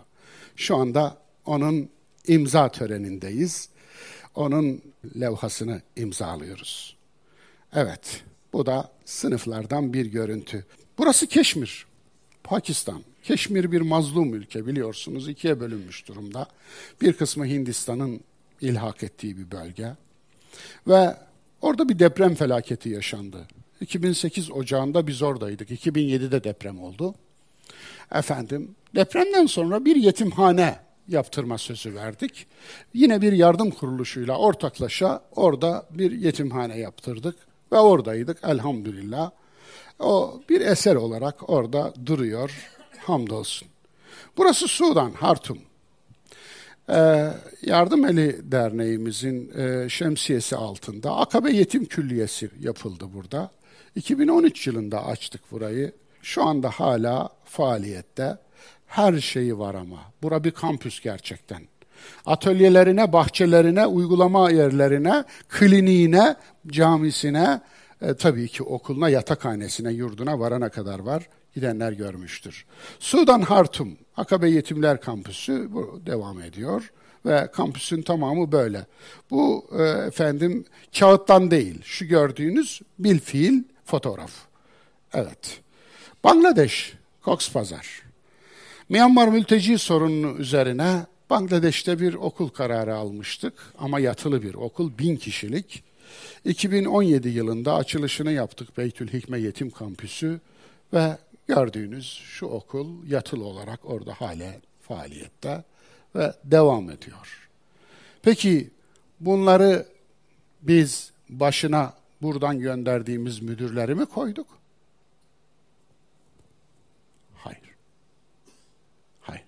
Bunları kendimize bağlayıp burada bize cemaat olacak holigan mı yetiştirmek için fidelik olarak mı kullandık? Asla Allah'a sığınırım. Bunu bir hakaret olarak görürüm. Hiç öyle bir şey düşünmedik. Öyle bir şeyi kendime hakaret görürüm. Hayır hayırdır. Hayrın hayrını koymamak istiyorsanız beklenti için yapın. O beklenti ne olursa olsun daha önce işledim. Evet. Dalalet ve hidayetin anlamı. Sen Kur'an'dan önce kitap nedir, iman nedir bilmezdin. Şura 52. Hidayet, rehberlik Kur'an'dır. Söylediğim için geçiyorum. A'na nedir? Onu da söyledim. Zenginlik değil, malatamah etmemektir. Üç emir. Birinci emir yetime ezme. Kahhar Allah'tır. Kimsenin Allah'ı olmaya kalkma. Evet.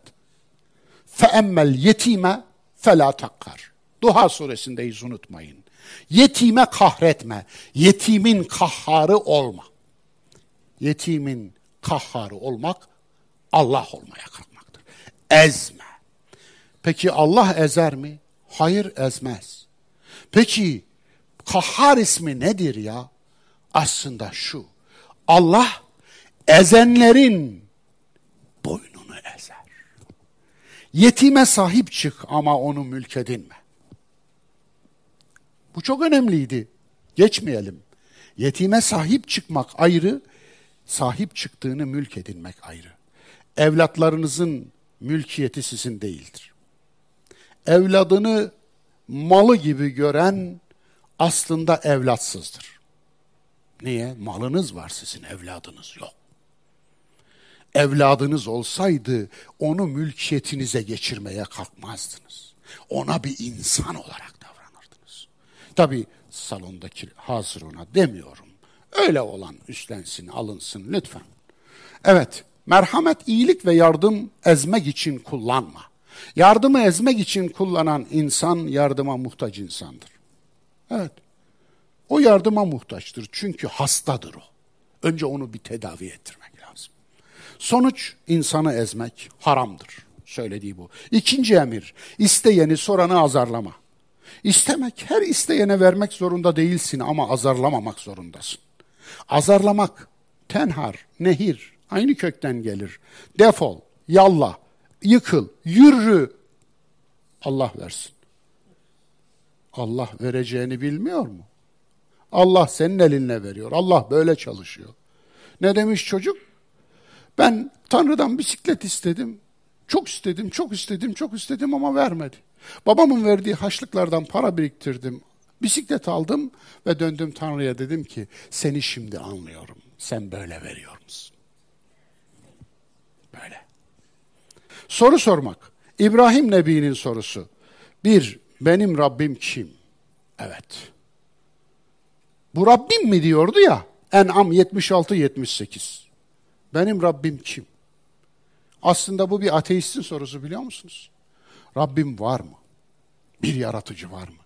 Kur'an bu soruyu da almış. İki, nasıl yaratır ve diriltirsin? Bu da ateistin sorusu. Hazreti İbrahim dilinden dile gelmiş. Bakara 260. Nasıl yaratır ve diriltirsin? Meleklerin sorusu. Kan dökmekte ve fesat çıkarmakta olan birini mi atayacaksın? Bakara 30. Yani birini halife atıyorsun ama kan döküyor. Döküyor yani. O anda oluyor, görüyorlar ve fesat çıkarıyor. Sen böyle birini mi halife yeryüzüne kalfa atayacaksın? Sana soruyorlar, fetva istiyorlar. Ayetleri 16 adettir. Yeseluneke, yeseluneke, yeseluneke. Sana soruyorlar, sana soruyorlar. Bu soruların bir kısmı müminlerin sorusu, bir kısmı münafıkların sorusu, bir kısmı ehli kitabın sorusu, bir kısmı müşriklerin sorusu. Yani Allah hiçbir soruyu araya vermiyor. Soru soranı azarlama. فَاَمَّ السَّائِلَ فَلَا تَنْهَرْ Soru soranı azarlama. Evet, Üstad Abduhas selam yollayalım. O tefsirinde bu ayeti isteyeni azarlama değil, soru soranı azarlama şeklinde anlar. Sonuç, soru sormayı teşvik et, asla azarlama. Ben bu ayeti anladıktan ve bu ayet hayatıma indikten sonra hiçbir soruya garip bir şey muamelesi yapmadım. Hiçbir soru sahibini azarlamamaya çalıştım. Başardım mı bilmiyorum. İndirilmiş din soruyu teşvik eder, uydurulmuş din sorunu tahrif eder. Örnek İsrailoğullarının ineği sorunu tahrif etmektir. Bakara suresi 67-72 arasında sahte dindarlık ve ne diyorlardı? İsrailoğullarından bir inek kesin dedi değil mi? Çünkü kaşındılar. Niye inek kesin dedi? Sebebi belli. Buzağıya taptılar ya, buzağının ben size anasını kestiririm. Anlatabiliyor muyum? Yani putunuzu bir kesin. Hem de baba putu, ana putu kesin. Putunuzu kesin dedi. Peki aslında anlamadılar mı? Yoksa anladılar da hinlik ve cinlik mi yapıyorlar bilmiyorum. Bana ikincisi gibi geldi. Ne dediler? Rengi nasıl olsun? Çifte koşulmuş olsun mu olmasın mı? Yaşı kaç olsun? İşe bakar mısınız? Oysa bir inek kesin diyor. Bir inek bulup kesseniz bitecek. Neredeyse yapamayacaklardı diyor. Savsaklama bir emri, bir doğruyu yapmamak için detaylara boğulma tam ta oradan geliyor işte. İsrailoğullarından geliyor. Nedir? Ya yapacaksın işte bir ya yapman gerekiyor. Niye hala şunu da bunu da onu da şöyle mi olsun böyle mi olsun? Niye İsrailoğullarının ineğine çeviriyorsun? Bu. Sahte dindarlık ve yoz detaycılıkla amacın üstünü örtmek. Bisküvideki yarı, yağı sorun edenler yüz binlerce insanın hakkını yemeyi sorun etmediler. Öyle değil mi? Üniversite imtihanlarını çalmayı, cevaplarını çalmayı sorun etmediler. Ama bisküvideki yağı konuşuyordunuz.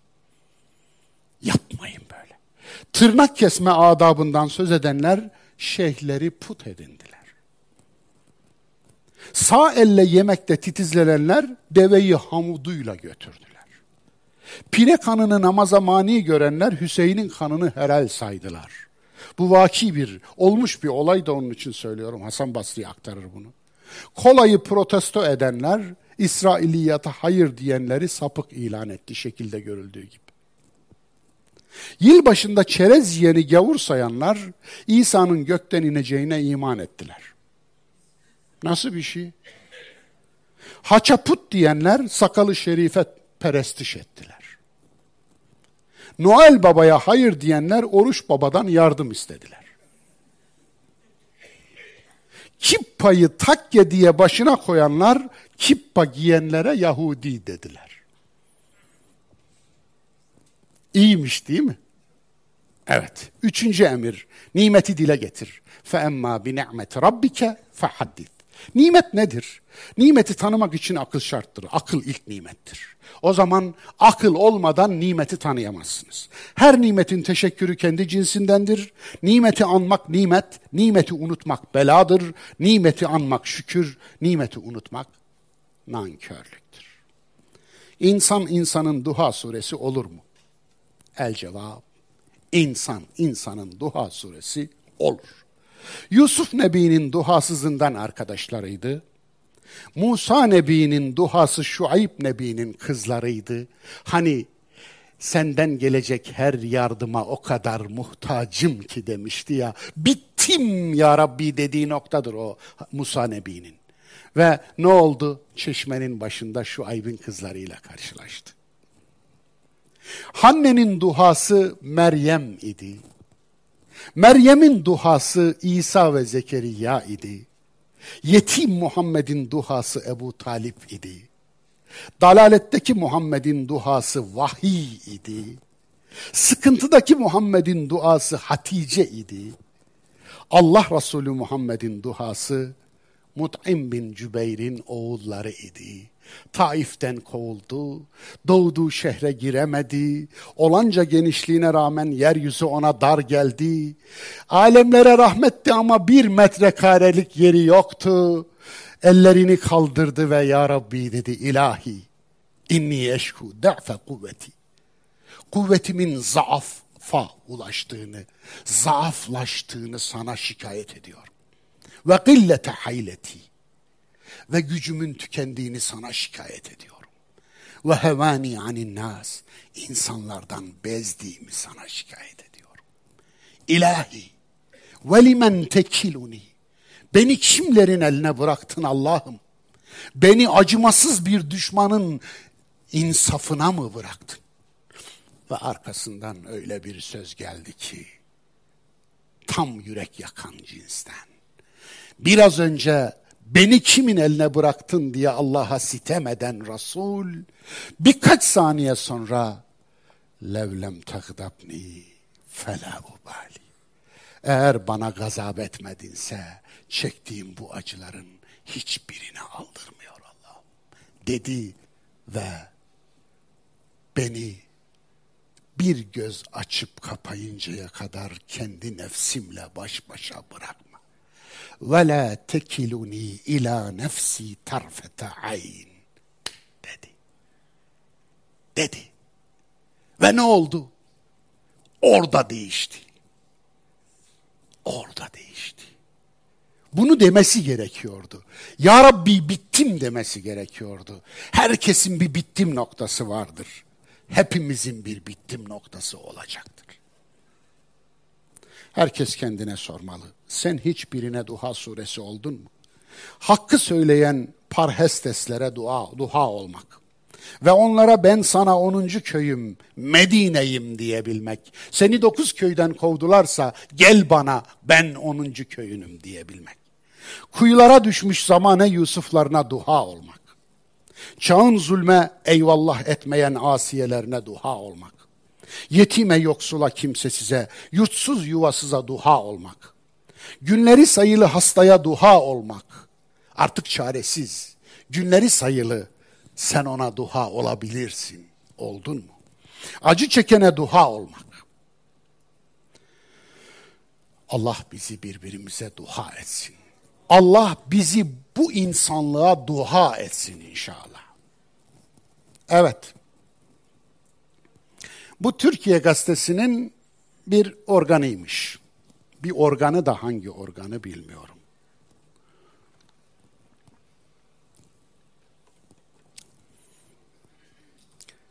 Kafirler ile modernist İslamcıların benzer özellikleri.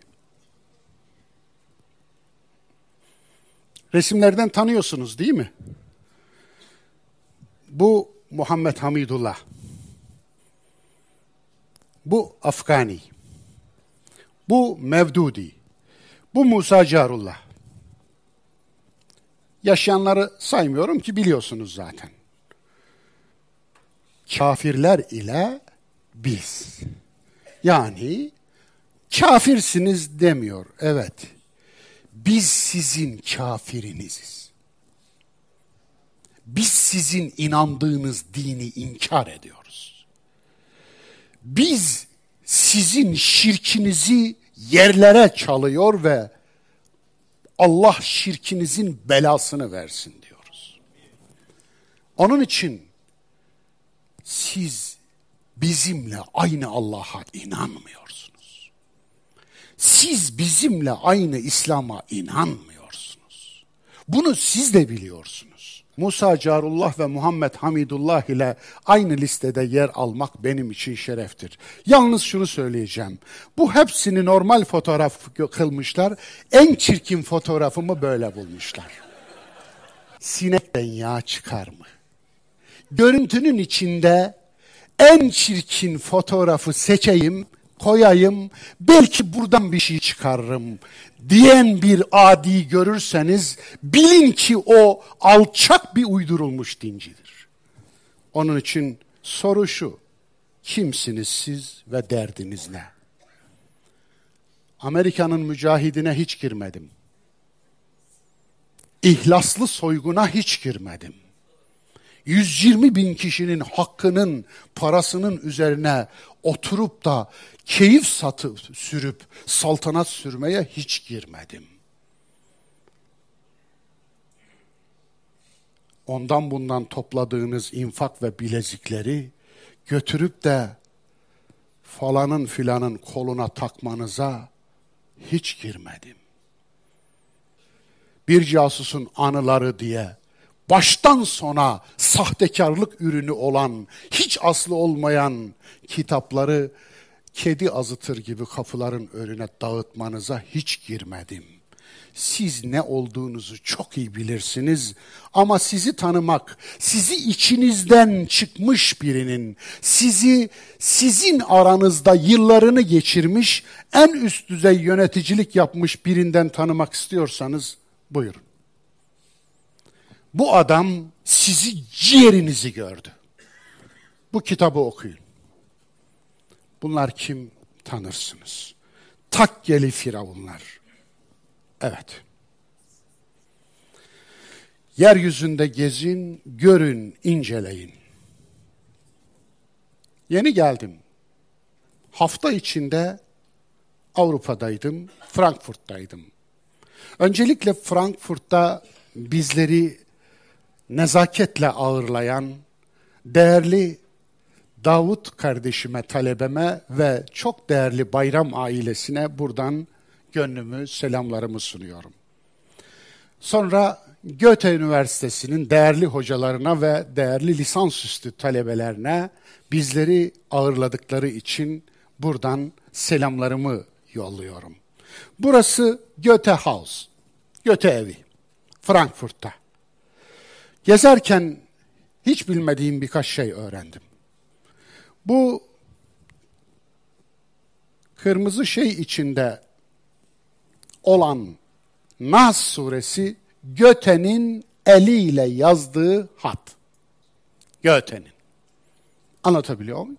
18. yüzyıl bir batı aydını yani şiirleri var, şair, romanı var, özellikle Faust, muhteşem bir roman, roman tarihinin klasiklerinden.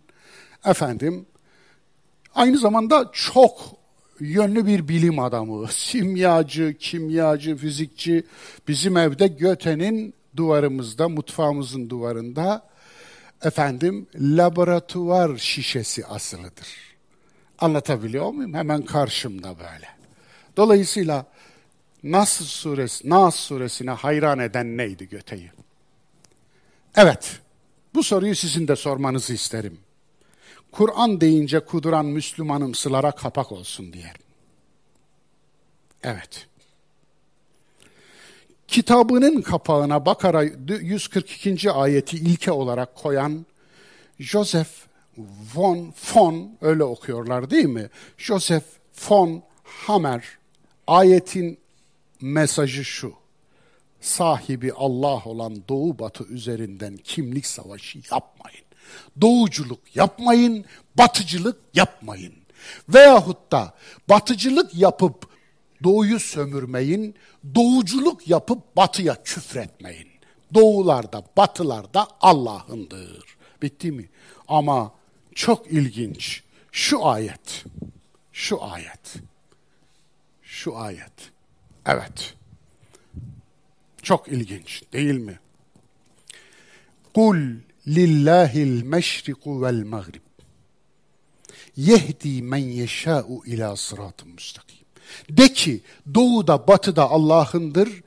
Dileyen kimseyi Allah sıratı müstakime eriştirir. İşte Hamer, Hamer tarihi. Osmanlı tarihi yazdı bu adam. Hem de batının tüm merkezlerindeki arşivleri karıştırarak. Bu adamın da yanlışları var. Bu adamın da hataları var. Ama bizim tarihçilerin hata, yanlış ve kasıtlarıyla bu adamın hata, yanlış ve kasıtlarını kıyaslamaya kalksanız inanın bire on bile değil. Onun için bunu tarif, ta, e, tavsiye ediyorum. Bu ne?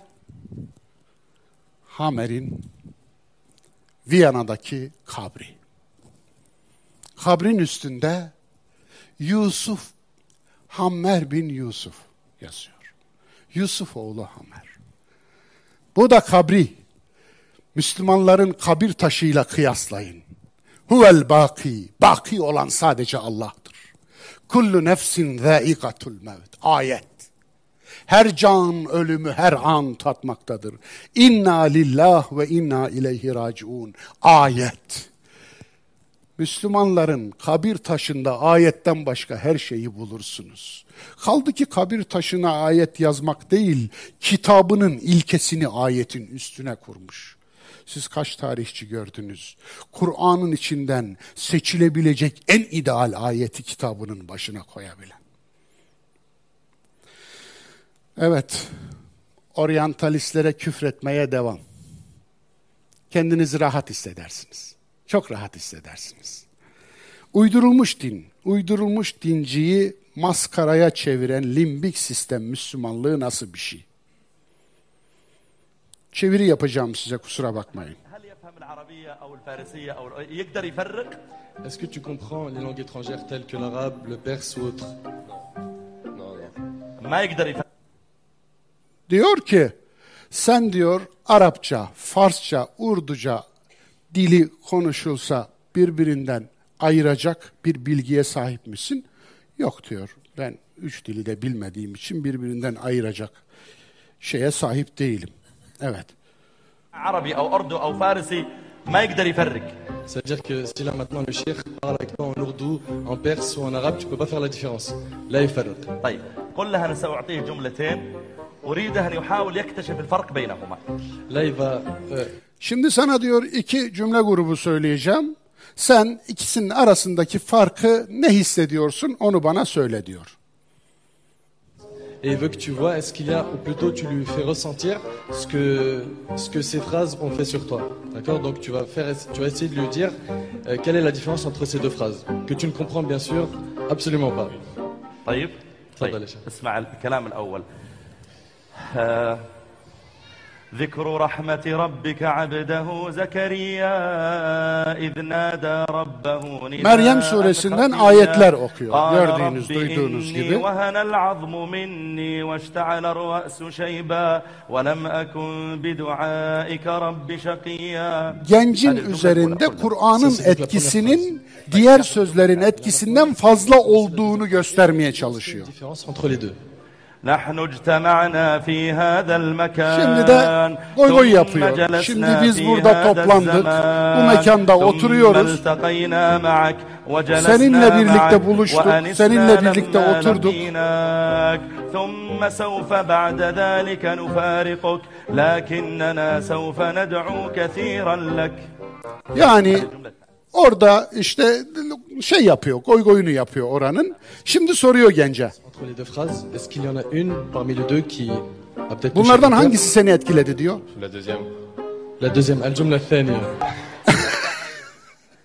İkincisi etkilemiş. Şimdi sorun şu dostlar. Kafanızda kendi kendinize bir şeyin delil olduğunu kurguluyorsunuz. Çünkü mantığınız yok. Yalnız kurguladığınız o kafanın korteksi çalışmıyor. Frontal lobu da çalışmıyor. Yani son 7 milyon yıl boşa gitmiş. Dolayısıyla 7 milyon yılı sıfırlamışsınız. Arkaya gelmişsiniz apelerle aynı döneme. Limbik sistem çalışıyor. Alt beyin çalışıyor. Alt beyin de hep hormonlarla çalıştığı için, duygularla çalıştığı için zannediyorsunuz ki herkes duygularıyla çalışıyor ve karşınızdakine delil olarak zannettiğiniz Kur'an'ın mucizeliğine siz bir delil gösterdiğini zannediyorsunuz. Sahneye çıkarıyorsunuz bir sürü insanın karşısında. Ona Kur'an'dan bir parça okuyorsunuz. Ondan sonra da oturduğunuz salonda işte burada bulunduk, burada toplandık, burada kavuştuk, burada efendim ayrıldık falan diye e, normal cümleler kullanıyorsunuz ve hangisi seni etkiledi diyorsunuz. Genç de rahat rahat ikincisi diyor. Ve bizim mollanın yüzü kızarmıyor. Devamı da var. Hiç kızarmıyor. Hiç utanmıyor. Böyle bir şeyi delil zannediyor. Asıl yani nerede delirdik? Biz bu toprakları ne zaman tımarhaneye çevirdik? Soru bu. Yoksa bu şey değil. Yani bu bu arkadaşı tanımıyorum. Bunun şahsına hiçbir şeyim yok. Çok güzel bir insan olma ihtimali çok yüksektir. Efendim, ben bir zihniyeti eleştiriyorum. Benim yaptığım bir zihniyet eleştirisi. Zaten kişi eleştirisi hiç yapmam. Kişilerle derdim yok. Zihniyet eleştirisi. Zaten kişilerle derdi olanlar yüzünden zihniyetleri eleştiremiyoruz. Bu bir zihniyet. Bu bir cins isim yani. Özel ismini bilmiyorum bile. Ama problem çok derin. Problem gerçekten derin. Tabiat Kur'an'ından ayetler. Geçtiğimiz hafta bir olağanüstü bir olay yaşandı. Gördüğünüz insanlık tarihinde ilk defa bir kara deliğin radyo teleskop yoluyla bizatihi yani bilimsel gözlem yoluyla çekilmiş fotoğrafı. Aslında fotoğraf değil bu. Çünkü radyo teleskop fotoğraf çekmez. Bu bir teleskop değil. Bu radyo teleskop. Gelen sinyalleri bir bilgisayar programı yardımıyla bize görüntüye çevirir. Bu. Mesafe 53 milyon ışık yılı. Konum M87 galaksisinin merkezinde. Bu bir galaksinin merkezi kara deliği. Kurum Amerika Birleşik Devletleri Uluslar Bilim Vakfı. Görüntüleme Event Horizon Teleskobu. Yayın tarihi 10 Nisan 2019. Evet. Kara delikler Newton mekaniğinden sonra keşfedildi. Yani Newton'un e, yer çekimi yasasını formüle edişinden sonra tahmin edildi. Ama kara deliklerin matematik olarak ispat edilmesi Einstein'ın denklemler sonucunda kara deliklerin var olması gerektiğini söyledi. Hatta hatta hayaletimsi falan diyordu ama yine de var olması gerektiğini denklem gösterdi. Çünkü olağanüstü çekim gücünün olduğu yerler olmalıydı. Zira uzay zaman eğiliyordu. Uzay, uzay zaman bükülüyordu. Uzay zamanı büken çok yüksek çekim güçlü merkezler olmalıydı. Onlar neydi? Daha sonra kara delik diye adlandırıldı. Çünkü görünen bir şey yok. Kara delik görünemez. Uzayda ışık saçan bir cisim görünür. Kara delik ışık saçmıyor. Aksine ışığı soğuruyor, çekiyor. Işığı bile çekecek kadar çekim gücü yüksek. Mesela kara delik nasıl oluşuyor? Güneşimizin kat kat kat kat kat daha büyük olan yıldızlar içine çöktüğünde kara deliğe dönüşüyorlar. Ama güneşimiz öldüğünde kara delik olmayacak. Niye? küçük oluyor. Mesela şöyle bir şey mümkün olsaydı. Güneşimizi bir santimetre kare kadar küçülseydik bir santimetre karelik bir kalede, kara delik elde ederdik. Ama güneşimiz buna yetmiyor. Fakat galaksinin merkezinde bir kara delik var. Tüm galaksilerin merkezinde bir kara delik var. Peki bunu nereden anlıyoruz? Zira galaksinin etrafındaki yıldızlar onun çevresinde tavaf ediyorlar. O Kabe'si. Her galaksinin bir Kabe'si var her Kabe'nin etrafında tavaf eden yıldızlardan bir hacılar ordusu var. Onlar tavaf ediyorlar. Zaten yedi kolludur bizim Samanyolu galaksisinin kolları biliyorsunuz. Neden kollar şeklinde? Şöyle papatya yaprağı gibi kollara sahip. Neden öyle? Çünkü bir merkezin etrafında dönüyorlar.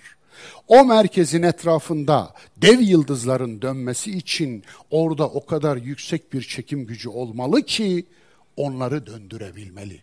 Olay ufku dedikleri kara deliğin içinde bir tekillik var. Ne demek tekillik? Fizik kanunlarının bittiği bir yer. Şu anda orada ne olup bittiğini bilmiyoruz. Ama farzı muhal kara deliğin içine siz düşseniz orada zaman duracak. Zaman çünkü ışığı bile çekiyor ve büküyor. Dolayısıyla bu zamanın göreceliğinin de bir başka ifadesi. Zamanın göreceliğini biz Kur'an'da ayetlerde de görüyoruz. Ha şunu demiyorum bununla. Ya bu Kur'an'da vardı falan.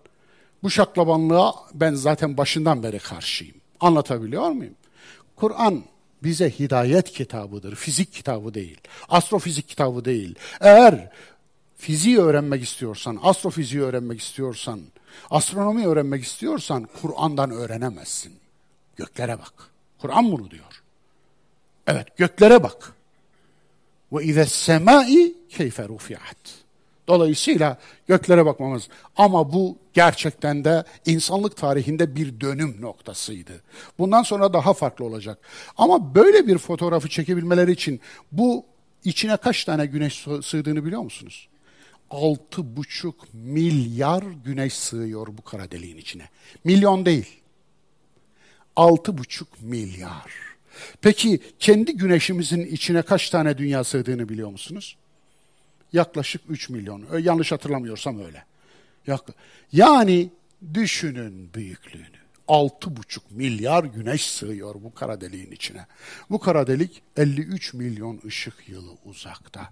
Bu kara deliği çekmek için dünya kadar bir teleskop, radyo teleskop lazım. Fakat bunu yapmak mümkün değil. Ne yaptılar? Dünyanın etrafına 6 tane farklı yerlere uydular üzerinden altı tane radyo teleskop koydular. Bunları birbiriyle eşgüdümlü hale getirdiler. Bunlardan gelen görüntüyü, radyo görüntülerini işlediler. Onları görüntüye çevirdiler. Aralarındaki boşlukları da simülasyonla doldurdular. İşte bu görüntü çıktı. Müthiş bir şey. Gerçekten Allah'ın kainat kitabından, Kur'an'ından bir ayet olarak karşınıza çıkardım. Böyle şeylere ihtiyacımız yok diyen var mı aranızda? Evet. Tavsiye görsel. Interstellars. Yıldızlar Arası. Bu filmi hepinize tavsiye ediyorum. Ben iki kere izledim hatta sinemada izledim. Hocam sen sinemaya da mı gidiyorsun? He ya. Evet ben sinemaya da gidiyorum. Evet. Fensiz ilahiyat olmaz. Matematik, fizik, kimya, biyoloji, astronomi olmadan teoloji olmaz. Bilimsiz ilim olmaz. Olursa Kur'an, iman, İslam, hadis adına bir sürü saçmalık ve safsata ortaya yayılır. Uzayı aydınlatmayan güneş dünyayı nasıl aydınlatıyor sorusunun cevabını Kur'an'dan verme garabeti bizzat Kur'an'ın emrine aykırıdır. Göğe bakıp incelemezler mi diyen Gâşiye suresinin 18. ayetidir. Fen bilimleri öğrenmenin dini bilgisi, dini bilgisine asla itibar edilmez. Fen bilimleri bilmiyorsa dini bilgisine itibar edilmez o adamın. Temel bilimler bilmiyorsa yani Allah'ın kainat ayetlerinden haberi olmayan Kur'an ayetlerini bana nasıl anlatacak? Kur'an bir parmak onu gösteriyor, kainatı. Kur'an bir parmak hayatı gösteriyor, tabiatı gösteriyor. Siz Kur'an'ın gösterdiği yeri görmezden geleceksiniz, bana Kur'an'ı anlatacaksınız. Nasıl olacak bu iş? Olmaz. Onun için vaiz olur ama alim olmaz. Allah'ın kainat, tabiat ve insan ayetlerine sırt dönerek Kur'an ayetleri asla anlaşılmaz. Benim kahramanlarım ve son. Tech. Bunu diyorlar. Şimdi böyle bir trend var. Başlangıcı bu, sonu bu. Başı bu, sonu bu. İnsanlar çöp toplamayı, tabiattaki çöpleri toplamayı bir trend haline dönüştürmüşler. Aslında bu bizim imanımızın bir gereği. Bunun trend olmasına gerek mi var? Fakat biz çöplükleri çoğaltıyoruz, başkaları çöplüklerini topluyor. Hatta bizim çöplüğümüzü topluyor. Bir yabancı görmüştüm, çekmiş. Bu ülke cennet gibi bir ülke ama üstünde yaşayanlar cehenneme çevirmiş diyordu. Ve çöp topluyordu. Yabancı biri yabancı. Ne diyeceğiz? Yani bari utanalım. Onun için ben diyorum ki böyle bir şeyde Kur'an talebeleri yapsın. Yapsın ve örnek olarak koysunlar. İbret alsın, örnek alsın insanlar. Sosyal medya hesaplarımız huzurunuzda. Hepinize teşekkür ediyorum. Allah'a emanet olun. Bir Siretül Kur'an dersinde daha buluşmak üzere ki iki dersimiz kaldı. Bundan sonraki derslerimiz Ramazan'a denk geliyor. Ramazanımız şimdiden mübarektir zaten de bizi mübarek bulsun, bizi mübarek kılsın ve hoş gelsin, bizi hoş bulsun. Allah'a emanet olun, sağlıcakla kalın.